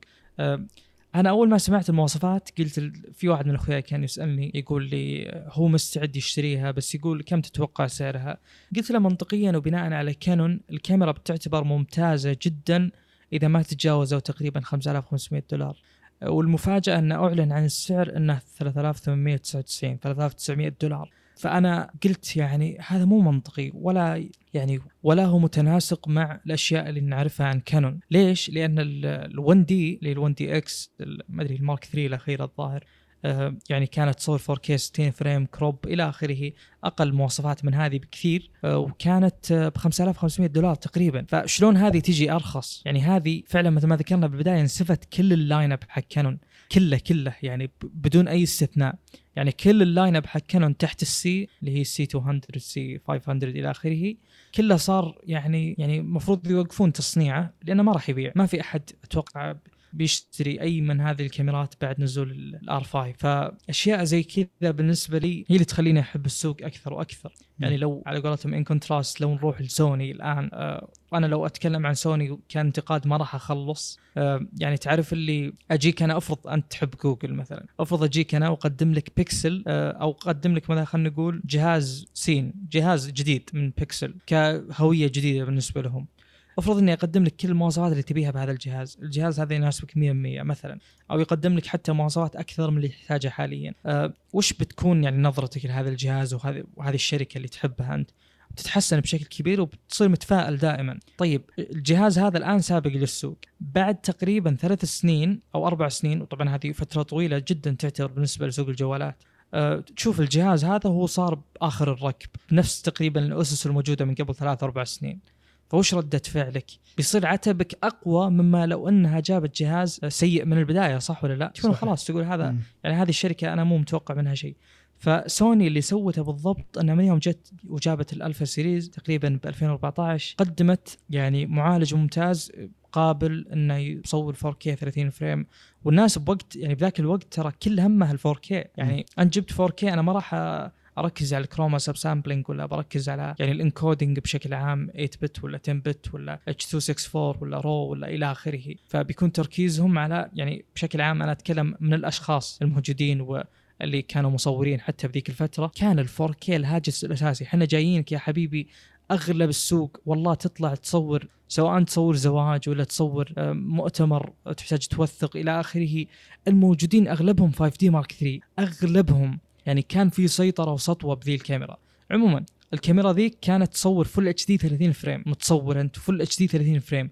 تبي slow motion ما في إلا 60 frame. طيب كم resolution 720p فحنا نبي ال 4K بأي ثمن كان. يعني يعني من كثر ما أنك محتاج هذا الشيء ما تنظر لأي شيء آخر. عموما فجت سوني ووفرت جميع الميزات تقريبا اللي الكل يبيها بذاك الوقت.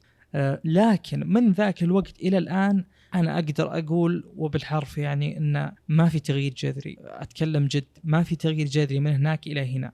سوني قاعدة تركز على أمور جانبية بشكل كبير. يعني أنا الآن مثلا زي ما ذكرت لك آه، يعني إحنا نتكلم عن الكاميرات بشكل كبير. فأنا دائما أذكر آه، لأبو فيصل إن يعني سوني الآن قاعد توفر حلول ممتازة جدا جدا جدا. الأشياء ممكن حلها. يعني مثلا أنت الآن قاعد تحسني بال IBIS المثبت. طب أنا مثلا لو كنت أصور عرض أو أصور اي ايا كان يعني الشيء اللي أصوره. لو اكتشفت إن الاهتزازات غير منطقية أو غير طبيعية ممكن المرة الجاية أحاول أثبت يدي أو إني أصور 120 frame بدال مثلا 30 frame مثلا آه، أو إني أستخدم gimbal أو shoulder rig أو إلى آخره. أستخدم stabilizer عموما عشان أحل هذه الميزة. زين لو صورت شيء معين واكتشفت إن الأداء ال- أو اكتشفت إن ال- الضوء منخفض مثلا ممكن أجيب إضاءة أخرى. زين. سوني تحسن ال light ال low light performance تحسن ال- اللي هو المثبت البصري هذا وتحسن ال continuous focus اللي أيضا يعتبر بالنسبة لي من الأشياء الكمالية جدا والدليل إنها كمالية ما هي موجودة أصلا بالكاميرات السينمائية يعني. فتحسينك لهذه الأشياء ثم نرجع لل يعني الشيء الأساسي بالكاميرات اللي هو ال picture quality يعني يوم أرجع لهذا الجانب واكتشف إن أنا معلق بال 8 bit 420 الظاهر. آه، يعني هذه مشكلة جذرية كبيرة جدا. ال footage حق سوني ما يتحمل أي تعديل. على طول يبدأ يتكسر. هذا وأنا أتكلم في ظروف مثالية. أنا قاعد أصور بمكان شبه استوديو آه، يعني حتى لو استخدمت في ناس حاولوا يمين يسار يستخدم آه، مسجل خارجي. آه، ق- قدروا ينتقلون من 420 والظاهر إلى 422 هذا ما يشكل أي شيء. يعني هذا يحسن ال banding بشكل بسيط جدا جدا جدا. فالمشكلة الجذرية هذه ما تقدر تحلها. يعني إذا أنت أخذت شيء من سوني فأنت معلق بال8 bit إلى الأبد. يعني هذه المشكلة هي الأولى بالحل من أي مشكلة أخرى. وطبعا بحثت بالموضوع ولقيت إن ال- ال- اللي مسبب ال bottleneck اللي مسبب ان سوني مو قادر تطلع من هذا المأزق اللي هو المعالج حق ال- الكاميرا نفسها مو قادر يعني يسوي encoding لشيء أعلى من 4K 30 frame والمحزن بشكل أكبر اللي هو إنك ما تقدر تنتقل إلى يعني مثلا ال A 7 3 اللي تعتبر entry level بال اللي هو ال A 7 بشكل عام أو بالفئة هذه انتقالك منها إلى ال A 9 ما يشكل شيء أتكلم بالذات كفيديو. يعني ما في قيمة حقيقية أنت بتكسبها. هذه المشكلة يعني بالنسبة لي مع سوني. سوني يعني لو جاء شخص بيشتري كاميرا منهم مثلا أبرز الخيارات بتكون ال- A 1000 مثلا اللي هي 6600 6500 إلى آخره فئة الآلاف هذه. هذه لأن وشو؟ ترى ال encoding نفس الموجود بالفئه الأعلى اللي هي ال A 7 مثلا نفسه نفسه تماما. picture profiles نفسها. المثبت موجود بالاثنين ال continuous focus يمكن يختلف الأداء فيه شوي. بس إنه نفس ال picture quality ما تختلف. يختلف إنه في crop بس. آه ف يعني صراحة آه، لو نتكلم ما نخلص بس إنه يعني سوني تحس إنها قاعد تعالج. يعني تخيل إن الجرح مثلا بالساق سوني تعالج آه، بالذراع. يعني أنتم اللي تصلحونه ما له دخل ولا هو اللي ندور عليه. يا رجل فتحت Reddit أبى أشوف وش ردة الفعل على ال EOS R 5 آه، كل الناس قاعدة تبيع. يعني في واحد يقول كل اللي حولي باعوا كاميراتهم. ينتظرون ال EOS R 5 آه، خصوصا انه كان الوضع حجر ما, ما في أعمال ما في شغل. فسوني يعني هذه هذه النهاية آه، يعني أي نسخة جاية سواء من ال A 7 أو ال A 9 ما فيها 10 bit ولا فيها شيء فوق ال 4K 30 frame فما راح تبيع نهائيا. ما عندكم نقطة بيع الآن أبدا أبدا أبدا إلا في قطاع ال- الآلاف بالنسبة لي. م. فيعني هذا الشيء سيء صراحة. شيء محزن أنه يعني نقوله. لكن الشركة يعني استرخصت وما رضت توفر خلال تقريبا سبع سنين. فهذا أقل شيء ممكن يحصل لها. آه، شوف بالنسبة لي يعني زي ما تأخرت كانون في أنها تقدم 4K آه، نتمنى إن سوني سوني ما تأخر إنها تقدم 4K 120 أو 60 زي ما تأخرت كانون عن سوني عام 2014 أو 2013 ما نبي هذا التأخير علشان تستمر المنافسة. وأعتقد تأخر سوني في أنها تحط معالج جديد وتقنيات زي ال 10 بت و 4.2.2 يعني. هو عدم وجود المنافس اللي قاعد يوفر الشيء ذا. فوجود منافس يوفر الشيء ذا قد يكون بعد سنة سنتين تضيف المزايا هذه اللي هي تخلي الناس تستمر تشتري آه، كاميراتها. عموما توجه أسلوب التسويق لسوني هو توجه أسلوب تسويق المستخدمين كاميرات أكثر بساطة من مستخدمين الكاميرات اللي يحتاجون يعدلون الوان ويستخدمون picture profiles. يعني لو تشوف أنت يعني توجههم الأخير اللي هو اللي أوه وفرنا شاشة آه، تنقلب علشان تقدر تشوف نفسك. ولا آه، وفرنا لك بطارية أكبر. ولا وفرنا لك كاميرا وزنها شوي أقل. ولا وفرنا لك picture profile ما تحتاج تعدل عليه شيء اللي هو يعتبر hybrid بس أنت آه، اختاره وخلاص ما تحتاج حتى تعدل عليه. هو اللي بيعطيك dynamic range عالي. هو اللي بيلون لك الصورة كأنك تختار S-Log 2 ثم تحط عليه LUT من نفس الكاميرا. فأقصد إنه توجه السوني من ناحية إنها تحط الأشياء هذه وتبسط استخدام كاميراتها. واضح توجهها وين ناوية تروح. وفي عندها اعتم- اعتماد كبير على قطاع إن على فكرة إن الناس شارين عدساتي بينتظروني مده سنة سنتين إلى أن أوفر شيء ينافس الشيء اللي أصدرته كانون حاليا. وغالب الناس اللي يكون عندهم ميزانية للكاميرات في الغالب ميزانية الكاميرا هذه بين 1000 و 1000 دولار إلى 1500 دولار. الناس اللي ينتج يعني أكثر مبيعات هو هي مبيعات هذه الفئة أو حتى ممكن أقل إلى 900 800 دولار. فالفئة الأعلى زي اللي سوني واضح إنه ما عندها تركيز عليها على فكرة إنه ما في ذيك المبيعات عندها لهذا القطاع ولا عندها فكرة إنها تبي تنافس بالقطاع هذا. فالفرق بين ال A 7 3 وال A 9 بالسعر أكبر من الفرق بينها بالمزايا. الفرق بين ال A 6500 وبين اعلى فئة من هذا فرق اعلى فئة من ال A 9 مثلا. ما هو فرق آه، مزايا يعني شو نسميها المزايا هذه؟ مزايا انها تصور مثلا 8K أو 4K أكثر من آه، 30 frame أو يعني كلها مزايا crop أو أصغر أو أكبر أو فيها منفذ سماع منفذ 3.5 سماع الصوت بطارية أكبر يعني تحس إنها حقت photogra- photography أكثر من videography و مم. قطاع يعني تطور قطاع الكاميرات بالنسبة لي أشوفه أبطأ بكثير من ما هو المفروض أنه يكون عليه مع كثرة إقبال الناس على شراء الكاميرات المفروض أنه على أبطأ؟ كمية أي على كمية الناس اللي يشترون الكاميرات المفروض أنه إضافة المزايا أسرع من اللي قاعد يصير. يعني تحول الناس من كانون إلى سوني علشان سوني كان عندها 4K mirrorless وكاميرا أصغر وكل الناس كانوا يتكلمون عن الشيء ذا. كانون ما ردت إلا بعد فترة طويلة جدا لين ما وفرت شيء يقدر ينافس اللي هو mirrorless وتقدر يصور 4K وفيه آه، يعني زي اللي in-body image داخل الكاميرا. أقصد إنه في تأخر بردة فعل يعني شركة عن شركة. وحنا ليش كانون عن سوني الحين؟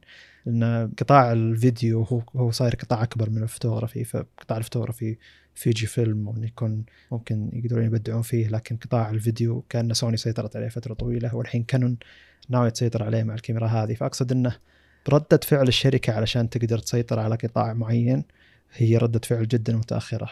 ما أدري إذا كان فعلا تطوير كاميرا مثل ال EOS R5 يحتاج وقت مثل هذا الوقت مثل طول هذا الوقت إنها تقدر ترد على سوني. يعني من 2013 إلى 2017 أو 18 وأنا ناس ينتظرون من كانون 4K يعني أي 4K بس. ولما قدموا 4K كان حيل متأخر عن اللي موجود عند آه، سوني من ناحية الحجم من ناحية picture profile من ناحية أشياء كثيرة يعني. فأقصد إنه المفروض سوني ما تصير نفس كانون لما تحولوا الناس ل 4K عشان سوني والحين بيتحولون لل 4K 60 frame أو 120 frame أو ال 8K على الكانون.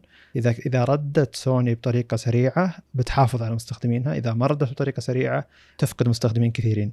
وقطاع الكاميرات المستخدم عنده ولاء أكبر علشان هو مستثمر بعدسات أكثر. فالمفروض إنه يكون في حرص إنك تحافظ عليهم بحيث إنه ما يمدي يبيع كاميراته وعدساته إلا أنا منزل الكاميرا الجديدة اللي تقدر تنافس ويقدر بس يبيع البادي الكاميرا حقته ويشتري بس بادي جديد آه، يناسب العدسات الموجودة عنده. فالمفروض رد سوني يكون أسرع وإذا تأخروا أكثر من سنة قدام بأنهم ما يوفرون 4K 60 فريم أقل شيء مع 10 بت و 4.2.2 بعتبر ان ناس كثيرين راحوا إلى كانون علشان الكاميرا الجديدة حقت كانون لكن الناس اللي انتقلوا بالسرعة هذه آه، يعني إنهم شافوا الإعلان حق كانون وراحوا يبيعون عدساتهم كاميراتهم. أعتقد انه في شوية تسرع أو عدم ثقة بسوني نفسها.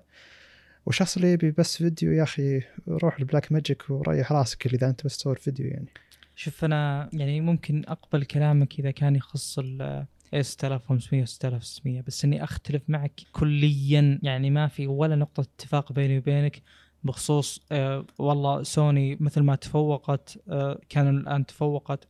أنا ما أشوف إن الموضوع يقاس بهذه الطريقة نهائيا. لأن سوني ما عندها في قطاع الكاميرات. لا يوجد نقاط بيع عندك حاليا. ليش أنا آخذ شيء من سوني الحين؟ ليش؟ عشان ال E mount اللي عدساته ما تقارن بال EF mount من ناحية انتشار من ناحية سعر ولا عشان والله عندكم 10 bit مثلا ولا عشان المعروف إن يعني بشكل عام ال picture profile حقها أحسن الألوان أحسن skin tone أحسن. وش نقاط البيع اللي عند سوني؟ ولا نقطة بيع. حاليا يعني قاعد أشوف ال A7 III اللي معي وأقول وش وش الشيء اللي يميز هذه الكاميرا؟ ليش ما أخذت أنا ال GH5S مثلا اللي فيها 10 bit أصلا؟ يا أخي يقولون لي ميزة اللي والله full frame ال A7 III full frame full frame تصور slow motion full frame 120 frame full frame طيب وش استفدت أنا بعدين ك picture quality يعني؟ ما في أي ميزة ترى. سوني ما يعني سوني ما هي أساسية بالسوق هذا أصلا عشان نقول إنه والله محبينها بيقعدون ينتظرون جديدها والى آخره. يا رجل أنا والله العظيم لو ما أن انتقالي بيكلفني بشكل كبير بسبب إني بعت كل عدساتي حقت ال EF ولا نعم. كان والله رجعت لل EF ولا عاد أبرجع لسوني نهائيا. طيب طيب لأن لحظة. النقلة كلفتني ولا لقيت اللي أبي أنا من بعد النقلة هذه كم لي أقل من سنتين ترى. بس لحظة في تصحيح. ال mirrorless حقت كانون الجديدة عدسات الكانون ال full frame القديمة ما تركب على العدسات ما تركب طيب على كاميرات بس إنه ما تركب. يعني يجب... RF mount جديد ال mirrorless حق كانون. فاللي عنده كانون 5D وعنده عدسات الدنيا أيوه ما هي ال EF في أيوة. يعني mount جديد للعدسات. فحتى اللي عنده كانون وناوي ينتقل وناوي يشتري كانون mirrorless لازم يشتري عدسات جديدة لل لا مو لازم غير صحيح. فيه ما آه، فيه adapter رسمي من كانون رسمي يعني الشركة تقول لك هذا ال adapter إحنا نقدمه بشكل رسمي. فالمفروض يدعم كل الميزات الموجودة من ناحية continuous focus ومن ناحية ال stabilizer ال IS اللي هو حق الكاميرا مو حق حق العدسة مو حق الكاميرا. وما يعطي crop لا لا لا لا ما يعطي crop الكاميرا أكثر أبرز ميزة إنه المفروض إنها ما تعطيك أي crop آه، عموما اللي بيوصله أنا يعني على الأقل على الأقل كانون عندها اسم وعندها يعني خلينا نقول نقاط بيع. يعني الأشياء اللي صارت بال 5D Mark 4 خلينا نقول أشياء سيئة جدا بالنسبة للشركة. يعني تحس إنها فعلا شركة قاعد تتاجر باسمها. يعني تعرف اللي أنا كانون من أنت عشان تنافسني ولا أنا أبى أقدم مثلا يعني أحس إن اللي كان مسؤول. طبعا صارت سالفة طويلة. خلنا أجيب طاريها بس ما ودنا نستغرق كثير. في واحد من المدراء بكانون يعني شخص له مكانة أه، نزل أو تسرب عنه شيء أو قال شيء معين يخص انه دعم EF mount بيوقف إلى آخره يعني قال شيء شوي حساس زين؟ فمن بكرة الظاهر أه، انفصل وجابوا واحد جديد. يمكن هذا الشخص الجديد وراء هذه التطويرات يمكن. يعني يمكن عقلية الشخص القديم هذا كانت اللي هو المتاجرة بالاسم لأن من عقبها من ال C500 تقريبا كان أنا شفت يعني بان التغيير اللي صار على الشركة بالنسبة لي. زين. ف المتاجرة بالاسم شيء ولو انه نوعا ما معهم حق بس سوني ما تقدر تستخدم نفس ال card مع كانون.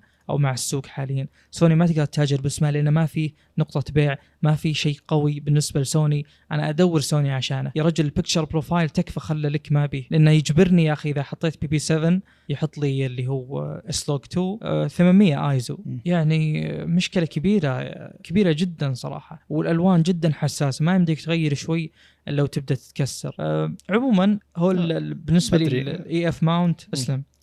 شخصيا آه، يعني لازم انتظر سوني وش تقدم بعد ما قدمت كانون عشان نشوف الرد وعلشان نقدر نحكم فعليا. مو إنه ما في أي كاميرا نزلت من سوني وخاصه فئه ال S إنها ما مخصصة للفيديو شوي. ما نقدر نقول إن سوني ما قاعد تشتغل صح. يعني ممكن هذه الحركة هي اللي تحركها. فأنا أعتقد إن في أمل إن A7S 4 تكون كاميرا محترمة وتقدم مزايا تخلي تخلي الناس يبقون مع سوني آه، ما أدري إذا كانت وجهة شخص. وجهة نظر شخص يحب سوني يكره كانون لكن أنا أعترف إن كانون أبدعت بالكاميرا هذه وأتمنى إن سوني ترد بشكل مستعجل ما تتأخر بالمزايا بس يعني هذه الفكرة إنه صحيح إن الحين سوني تعتبر متأخرة بس لعدم وجود المنافس من فترة علشان كذا أعتقد إنها متأخرة هي قاعد أيضا أختلف معك. هي, هي أنت قاعد تقول إنها قاعد تحل أشياء قاعد تقدر تقدر أنت كشخص تحلها بحلول ثانية لكن ما قاعد تحل أشياء أنت مستحيل تحلها كشخص أولى. بأشياء ثانية. نعم يعني أشياء أو لا أنا أقصد. جميل. ف ما أدري بس إلى مستوى استخدام معين أعتقد إن الفئة السعرية من 1200 دولار وتحت ما زالت سوني هي الافضل حاليا. ممكن ممكن كانون تنزل شيء أفضل ما عندنا مشكلة. ما لكن- اختلفت معك. اي لكن أنا... إيه أنا أتمنى ان يعني ايا كانت ال A7 الجديدة من سوني القادمة آه، تنافس الكاميرا هذه اللي تعتبر صدمة إن كانون تقدم كاميرا زي هذه صراحة. أنا ما كنت متوقع منهم مواصفات زي هذه المواصفات. في نقطة ذكرتها أنت يعني أنا ما أدري ليش أنت تحاول تنتظر رد سوني وتقول أن يعني عشان غياب المنافس سوني ما قدمت شيء وننتظر وش بتسوي وإلى آخره ليش ليش غياب المنافس؟ هي شركة آه. يعني Blackmagic من متى موجودة؟ بس ما في مع إنه مو شركة. نفس الكاميرات. اي أقصد مو يعني فرق التركيز يعني كاميرا تركز على نقطتين كاميرا تركز على الفيديو بس يعني لها شوية. مو, هنا الفكرة بس أنا يعني أعتقد إن سوني عندها فكرة إن التوفير إذا ما كان في منافس يقدر يقدم شيء أكبر من اللي إحنا قاعد نقدمه وإذا كانت مبيعات ماشية. وه- وهذا اللي ضرهم قطاع أكثر من قطاع يعني ثاني. تشوف القطاعات الثانية مثل اللي اللي تحس ان اسمه هو اللي يستاهل البيع مثل فايو ولا اكسبيريا ولا اللي أو سوني العر- العراق أو ما حد قدنا حتى قطاع التلفزيونات اللي سوني. كله 4 جيجا رام فالمقصد ان سوني عندها وجهة النظر هذه فإذا استمرت على وجهة النظر هذه بعد وجود منافس قوي وبعد وجود كاميرا تكسر سوقهم يعني هذا عنجهيه تعتبر. لكن إذا ردت علشان وجود منافس فهذا يعني شيء متوقع من سوني إنها ما تتطور إلا إذا تطور المنافس ففي في غباء من هالناحية إنك ما تطور إلا إذا تطور منافس. لازم تتطور قبل لا يتطور منافس عشان ما يكون له فرصة أصلا إنه ينافس. فهنا يعني أقصد آه، ما أدري ليش بس ودي أرجع لانتل و AMD انتل لها سنين مسيطرة وإلى يعني تحس إنها ما قاعد تتطور. ذيك ذاك تطور إلا يوم الحين AMD سوت اللي سوته جت أنتل وقالت إن إحنا بنتطور بالسنة الفلانية. لو AMD ما سوت اللي سوته بتبقى تطور أنتل طفيف زي ما هو آه، ماشي عليه. فنفس فكرة الشركات اللي تشوف نفسها كبيرة زي كذا دايم فكرتها إن إحنا ما عندنا منافس يستاهل ان نتطور بسرعة علشانه. لما يجي المنافس ذا وي- ويكسر سوقك هنا تقول إني أنا بتطور بالسنة الفلانية ولا ترفع مواصفاتك بشكل مفاجئ ولا تحاول تنافسه بالسعر ولا زي اللي قاعد تسويه أنتل يعني. نقصت أسعار آه، معالجاتها إلى 900 دولار من من 1900 دولار إلى 900 دولار. تكلمنا عن الموضوع ذا بداية السنة. فنفس الفكرة هنا. نتوقع رد من سوني إنها تنزل أسعار كاميراتها مثلا أو إنها تنزل كاميرا محترمة تقدر تنافس. يعني أقصد نتمنى رد. إذا ما ردت فترة طويلة ما ردت مرت سنتين وسوني ما سوت شيء بتفقد مستخدمين كثر جدا يعني. وما عندنا مشكلة يعني. شوف فيصل أنا بالنسبة لي يعني الآن أنظر للقطاع كامل lineup كامل حق سوني. وش الميزة؟ يعني بشكل عام السوق بطبيعته يعني إذا أنا عندي فئة واحد فئة اثنين فئة ثلاثة إذا فئة ثلاثة هي الأقوى زين؟ صار عندي مشكلة بفئة اثنين زين؟ المنافسين كلهم تفوقوا عليه. أجيب من ميزات الفئة ثلاثة وأحطها فيها صح؟ جميل. والفئة الثلاثة هذه تكون هي ال bleeding edge هي اللي واصلة أعلى شيء اللي تطويرها صعب نوعا ما. زين. سوني في كل القطاعات ما فيها الميزات اللي إحنا نبيها عشان تواكب السوق. مم. يعني بال A9 ما فيه ال 60 frame هذه ولا في يا رجل أنا ما أعرف ما ما أعرف ال hybrid ما أعرف ال- ال raw. بسوني ال hybrid لأنه ما هو موجود أصلا. فئة ال hybrid هذه ما فيها raw. ما فيها 10 bit كل الفئة اتكلم فهذه مشكلة يعني أنا اللي بوصل إنها جذرية أكبر مما تتصور سوني بكل بساطة جابت من ال 1DX مدري من مين. معليش كانون جابت من ال 1DX ظاهر Mark 2 ما أدري إذا هي تصور raw ولا لا بس إنها تصور 10 bit أكيد. جابت كم ميزة منها وانتهى الموضوع يعني. فيختلف أنا أشوف. طيب هو عدم توفر الميزة بكاميرات أكبر ما يعني ان عدم قدرة الشركة على عدم على إنها ما تقدر تسوي شيء. بس لا. بتطول. أنا اللي أقصد إنها بتطول. عموما يعني يا أخي مرات أقول لا تتعاطف مع سوني لو لا سمحت. لا لا بس خلنا نجيب المثال على الجوالات. فشركات مثل يعني الشركات اللي تركز على الأجهزة المتوسطة وقاعد تبيع صح وما تبي تنافس بالأجهزة الكبيرة ممكن سوني توجه للتوجه هذا. يعني إنها تقول لحظة أنا قاعد أبيع لل YouTuber وال vloggers ذولي. أه، ليش أروح أتوجه لمنتجي الأفلام وأنا أصلا؟ هي عندها كاميرا سينمائية أنا ما أدري وش كاميرات السينمائية قاعد تسوي بالسوق لكن أقصد أه، ليش أوجع رأسي باني أنافس على قطاع أكبر من إني أنا أقدر عليه ممكن يعني.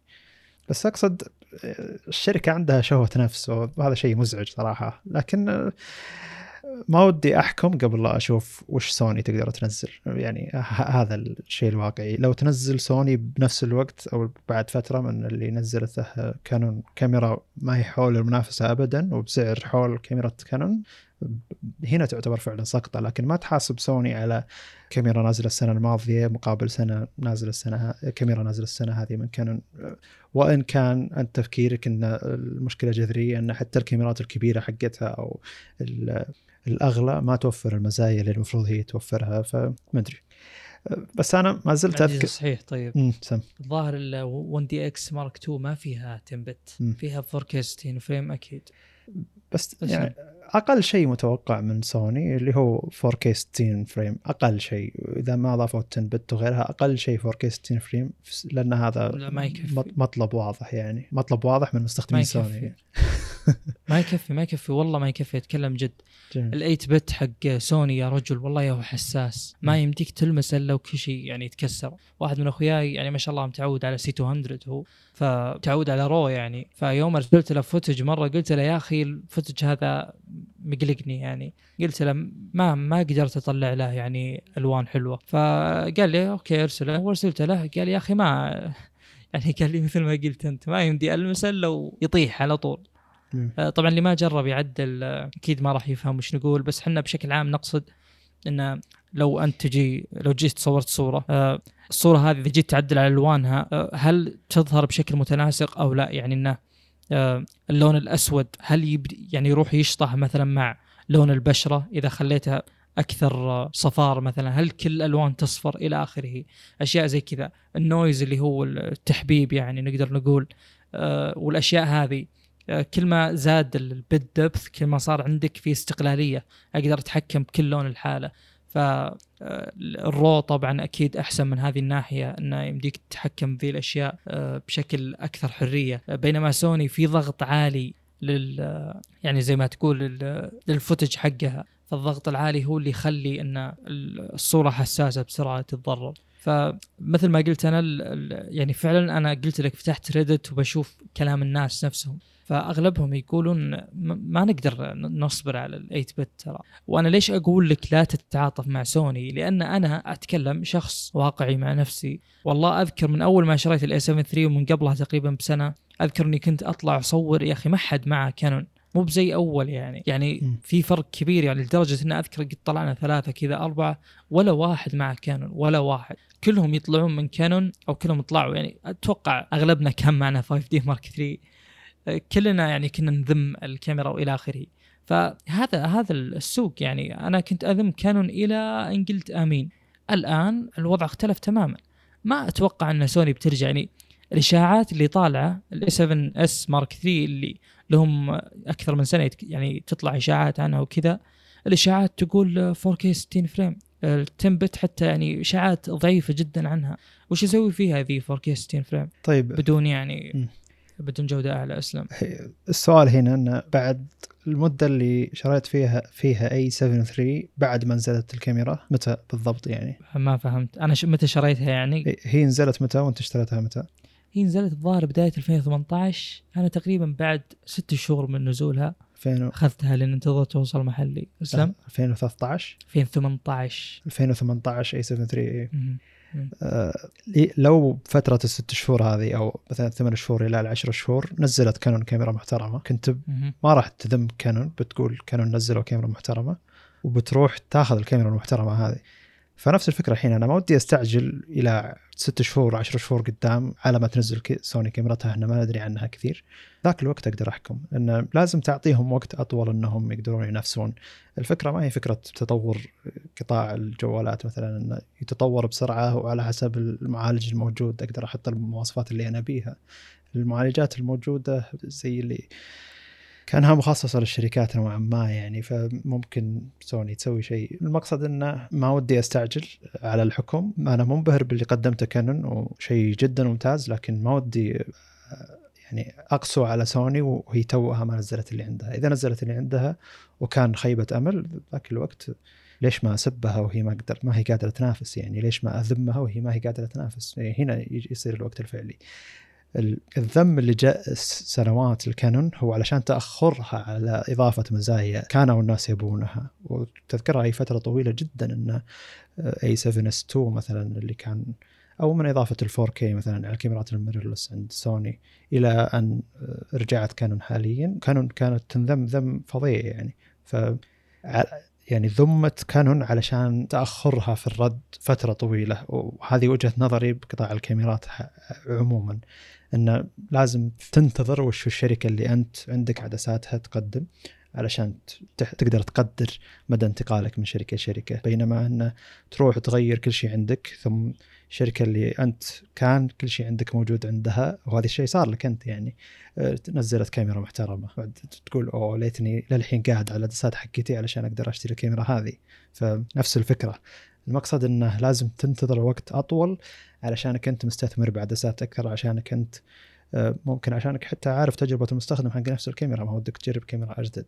لكن إذا الشركة حقتك ما قدرت إذا الشركة اللي أنت معها يعني ما قدرت تنافس ذاك الوقت يكون مبرر جدا إنك تبيع كاميرتك تبيع عدساتك علشان تستثمر بكاميرا أكثر جودة بمراحل وتشتري عدسات جديدة. ما هي مشكلة لأن الانتقال ممتاز والمزايا اللي بتتوفر ما هي متوفرة بالشركة اللي أنت أنت معها يعني. بس هنا وجهة نظري. البسيطة بالانتقال وال- والحوسة هذه لأن ما هي فكرة إنه بيع جوالك واشتر ثاني ولا بيع اللابتوب واشتر ثاني هنا أنت قاعد تبيع نظام كامل أنت ماشي معه ثم تشتري نظام جديد أنت ماشي معه مع عدساته مع كل شيء فأحس إن الانتقال بشكل مبكر غير مبرر والخسارة اللي بتاخذها غير مبررة لو سوني ردت خلال 10 شهور أو 8 شهور قدام.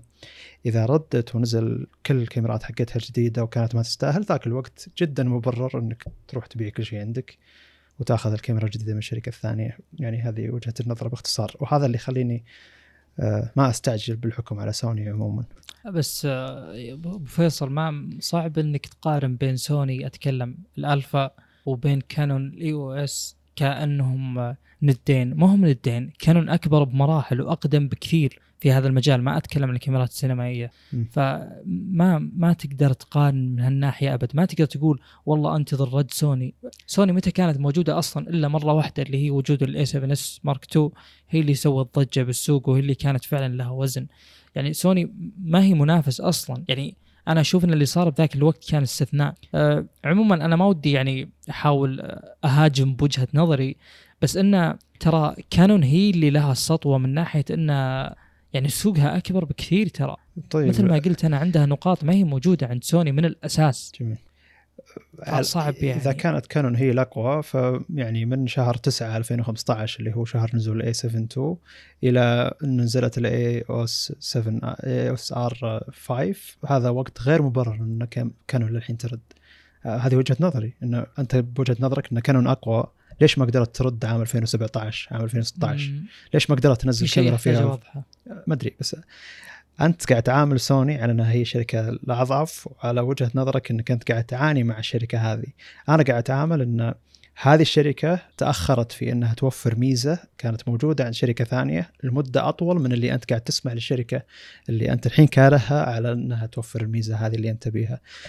فهمك إن السوق قد يكون فهمك إن سوني ممكن ما توفر الشيء هذا.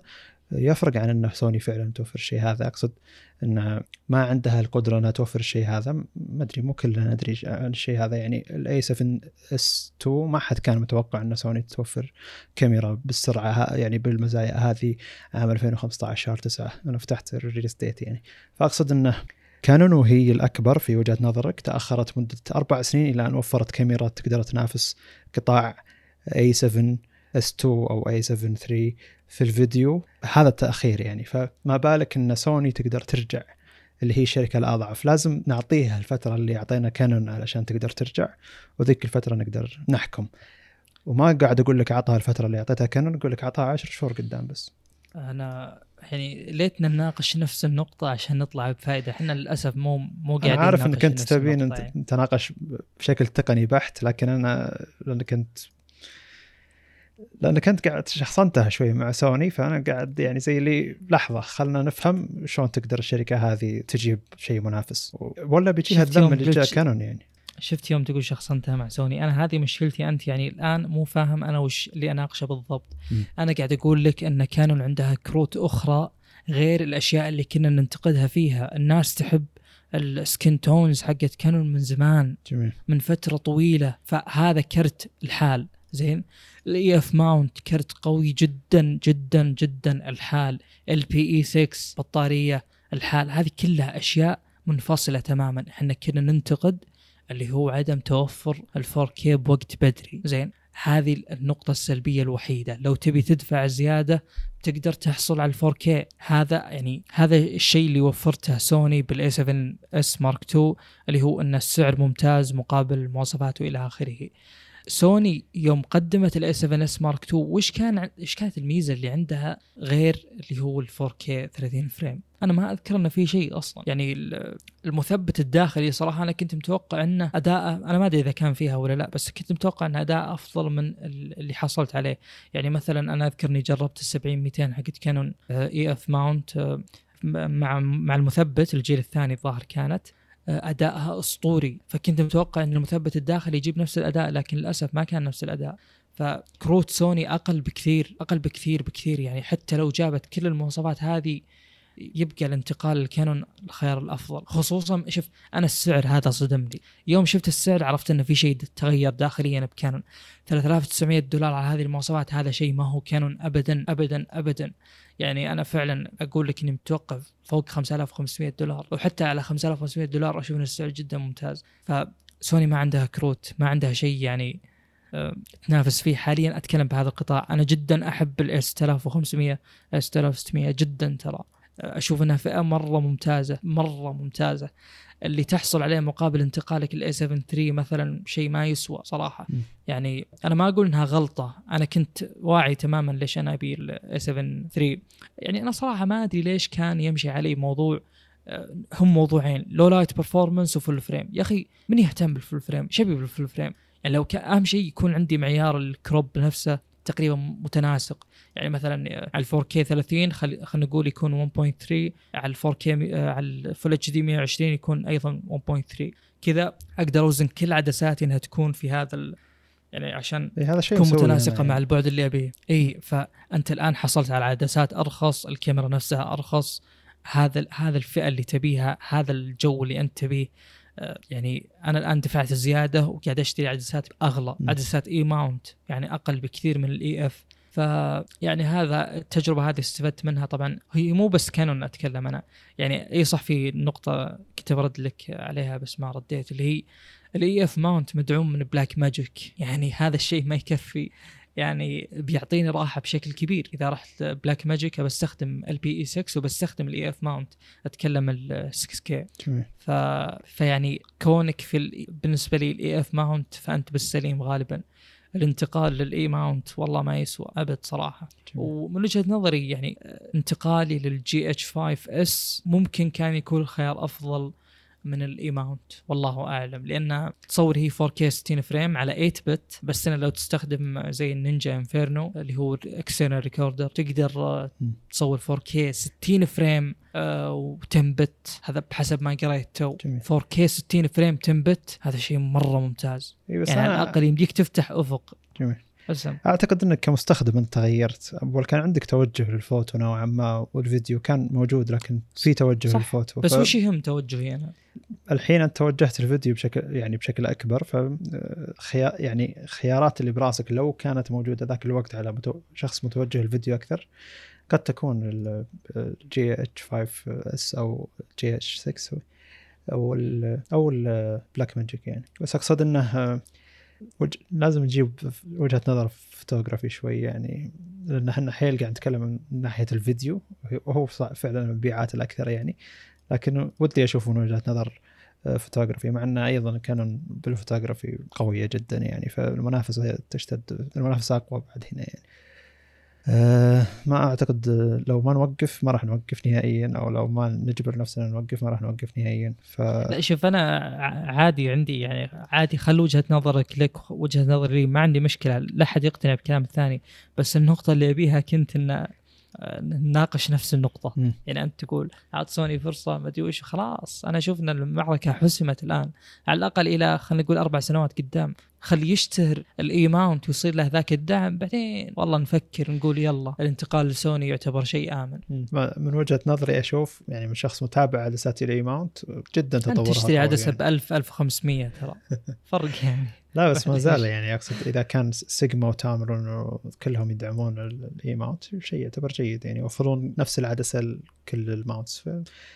توجه جيد. عموما آه، أنا أتمنى أن سوني تستمر بمنافسة ولا تصير لها زي قطاعاتها الباقيه اكسبيريا أو فايو مع أن قطاع الكاميرات يعتبر أفضل من ذيك القطاعات يعني. وأتمنى أن الشركة ما تشوف نفسها بالزيادة على المنافسين أو تشوف نفسها أنها هي سيطرت هي الفترة البسيطة.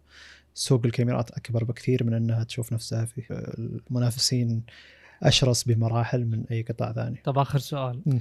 أنت يوم ذكرت أن تطور قطاع الكاميرات أبطأ من ما هو المفروض يعني يكون وش تقصد؟ أقصد من عام 2015 وحنا ننتظر شركات تنزل 4K mirrorless محترم زي ما وفرت سامسونج وتوها كانون توفر mirrorless 4K سامسونج؟ ممتاز آه، سوني أقصد طيب آه، سؤالي لك الآن افرض أن 2015 طلبنا بهذا الشيء 2016 جاء هذا الشيء. طيب وش اللي بعده؟ كانون يعني لو إيه لو نمشي بنفس الوتيرة حق التطوير هذه ترى بنوصل الحين كم؟ 16K هذا يعكس وجهة نظرك الحالية إنك تحتاج 8K ولا 10 bit ممكن وجهة نظر الناس اللي بسوني يقولون لا ما نحتاج 10 بت مثلا 8 بت كافي و... لا. مستخدميننا ما يستخدمون أو ما ي... ما في منه. لا معلش بس في وجهة نظر من هذه الناحية وقد تكون وجهة نظر شياب نوعا ما يعني إن المستخدم الواحد للكاميرا الواحدة ما هو الكرلست اللي يعدل على الألوان ولا هو الشخص اللي عنده ال focus system الخاص فيه ولا ذا فقاعد يقدمون له الشيء اللي هو يقدر عليه. فزي اللي لو أنت عندك أكثر من موظف يستخدمون مثلا يعني يقد- يلونون الصورة اللي أنت ماخذها وفي شخص ياخذ ال focus وفي شخص يعني إنتاجك للدرجة هذه كبير ما تحتاج A7 III أنت المفروض تدفع على أشياء أكبر من كذا بمراحل. فقد تكون هذه وجهة نظر الشياب الموجودين عند سوني إن إلى الحين المستخدم الواحد ما يحتاج هذه الأشياء مع أن قد تكون متناقضة وجهة النظر هذه مع أنهم يحطون picture profiles ويقولون إن هذه موجودة عندنا وحنا عندنا الشيء ذا. لكن أتمنى إنها ما تتحجر وجهة النظر إن قد يكفي ال 8 bit وقد يكفي ال 4.2 مقارنة ال 8 بت وال 10 bit مع ال- بالنسبة لي مع ال resolution ما شيء. يعني أنت الآن في في ال 8 bit و 10 bit بغض النظر عن استخراج المحتوى على الجودة الأعلى آه هذا يفيدك ب يعني تعديلك للصورة نفسها. بينما موضوع ال resolution طيب لو عندي مثلا 8K ما حد عنده يعني يمكن 95% ما عندهم ولا أكثر بعد ما عندهم شاشة 8K مثلا. آه، ممكن يفيد المحتوى بموضوع الضغط وإلى آخره ضغط يوتيوب مثلا وغيره إنه بيطلع ال 8K على شاشة 4K أحسن امور واجد. بس إنه بشكل عام ما راح تكون في فائده. إلا ال future proofing على قولتهم السنين الجاية. بينما ال 10 bit بتحس بميزته على طول. آه.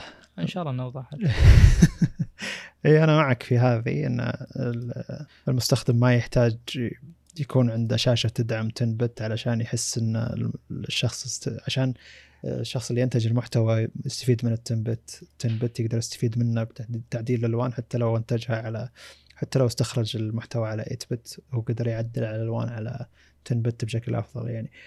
عموما أو يعني يعدل على المحتوى كامل أو الصورة. آه جميل. آه، بس أنا كمستخدم كاميرا يعني أنا مستخدم أبسط من إني احتاج شخصيا يعني شخصيا شخصيا فعليا يعني. أنا بيكون شغلي أسرع من إني أحتاج إني أعدل على الألوان إلى هذه الدرجة وأحوس إلى هذه الدرجة. فزي اللي حاط لي picture profile أبسط من ال S-Log 2 أو ال S-Log 2 نفسه بس معدل عليه علشان يكون ال saturation فيه أعلى شوي وما أحتاج أعدل عليه أكثر عشان ما يتكسر اللون. فصاير ال workflow أو الشغل حقي أسرع. وهذا اللي أبي أبي الشغل حقي يصير أسرع. ما أبي أتعقد مع كل نقطة إني أعدل عليها علشان أقدر أنتج محتوى أكثر. بس هنا الفكرة. قد تكون انت تخالفني بأنك أنت تبحث عن الكمال أكثر لكن أنا أبحث عن السرعة شوي أكثر والله شوف أنا يوم تكلمت عن آه، الوضع السوق كان يعني أشوف أن كلامي مجرد من وجهات النظر هذه حقائق موجودة بالسوق مم. يعني والانتقاد واضح انه يعني خلينا نقول كلام ناس كثيرين ما هو مقتصر على منظور شخص واحد ف. يعني أنت أنا قاعد أقول لك الآن قاعد أقول لك تماما أن أنت الآن في آه، لو إني مكانك أبى أسوي زي اللي سويته من ناحية كاميرا ومن ناحية عدسات هذا يعني أنت الآن قاعد تأخذ من أفضل الباكجات الموجودة. جميل. بينما لو ترتفع شوي ما في قيمة حقيقية تأخذها ترى. مم. فهذا اللي أنا أقصده بكلامي كله. آه، أطلنا في نفس النقطة. مم. طيب نختم؟ نختم ما هي مشكلة. شكرا لكم على حسن استماعكم. وإن شاء الله أنكم تحملتوا النقاش اللي بالأخير. آه نشوفكم إن شاء الله في الحلقة القادمة. السلام عليكم.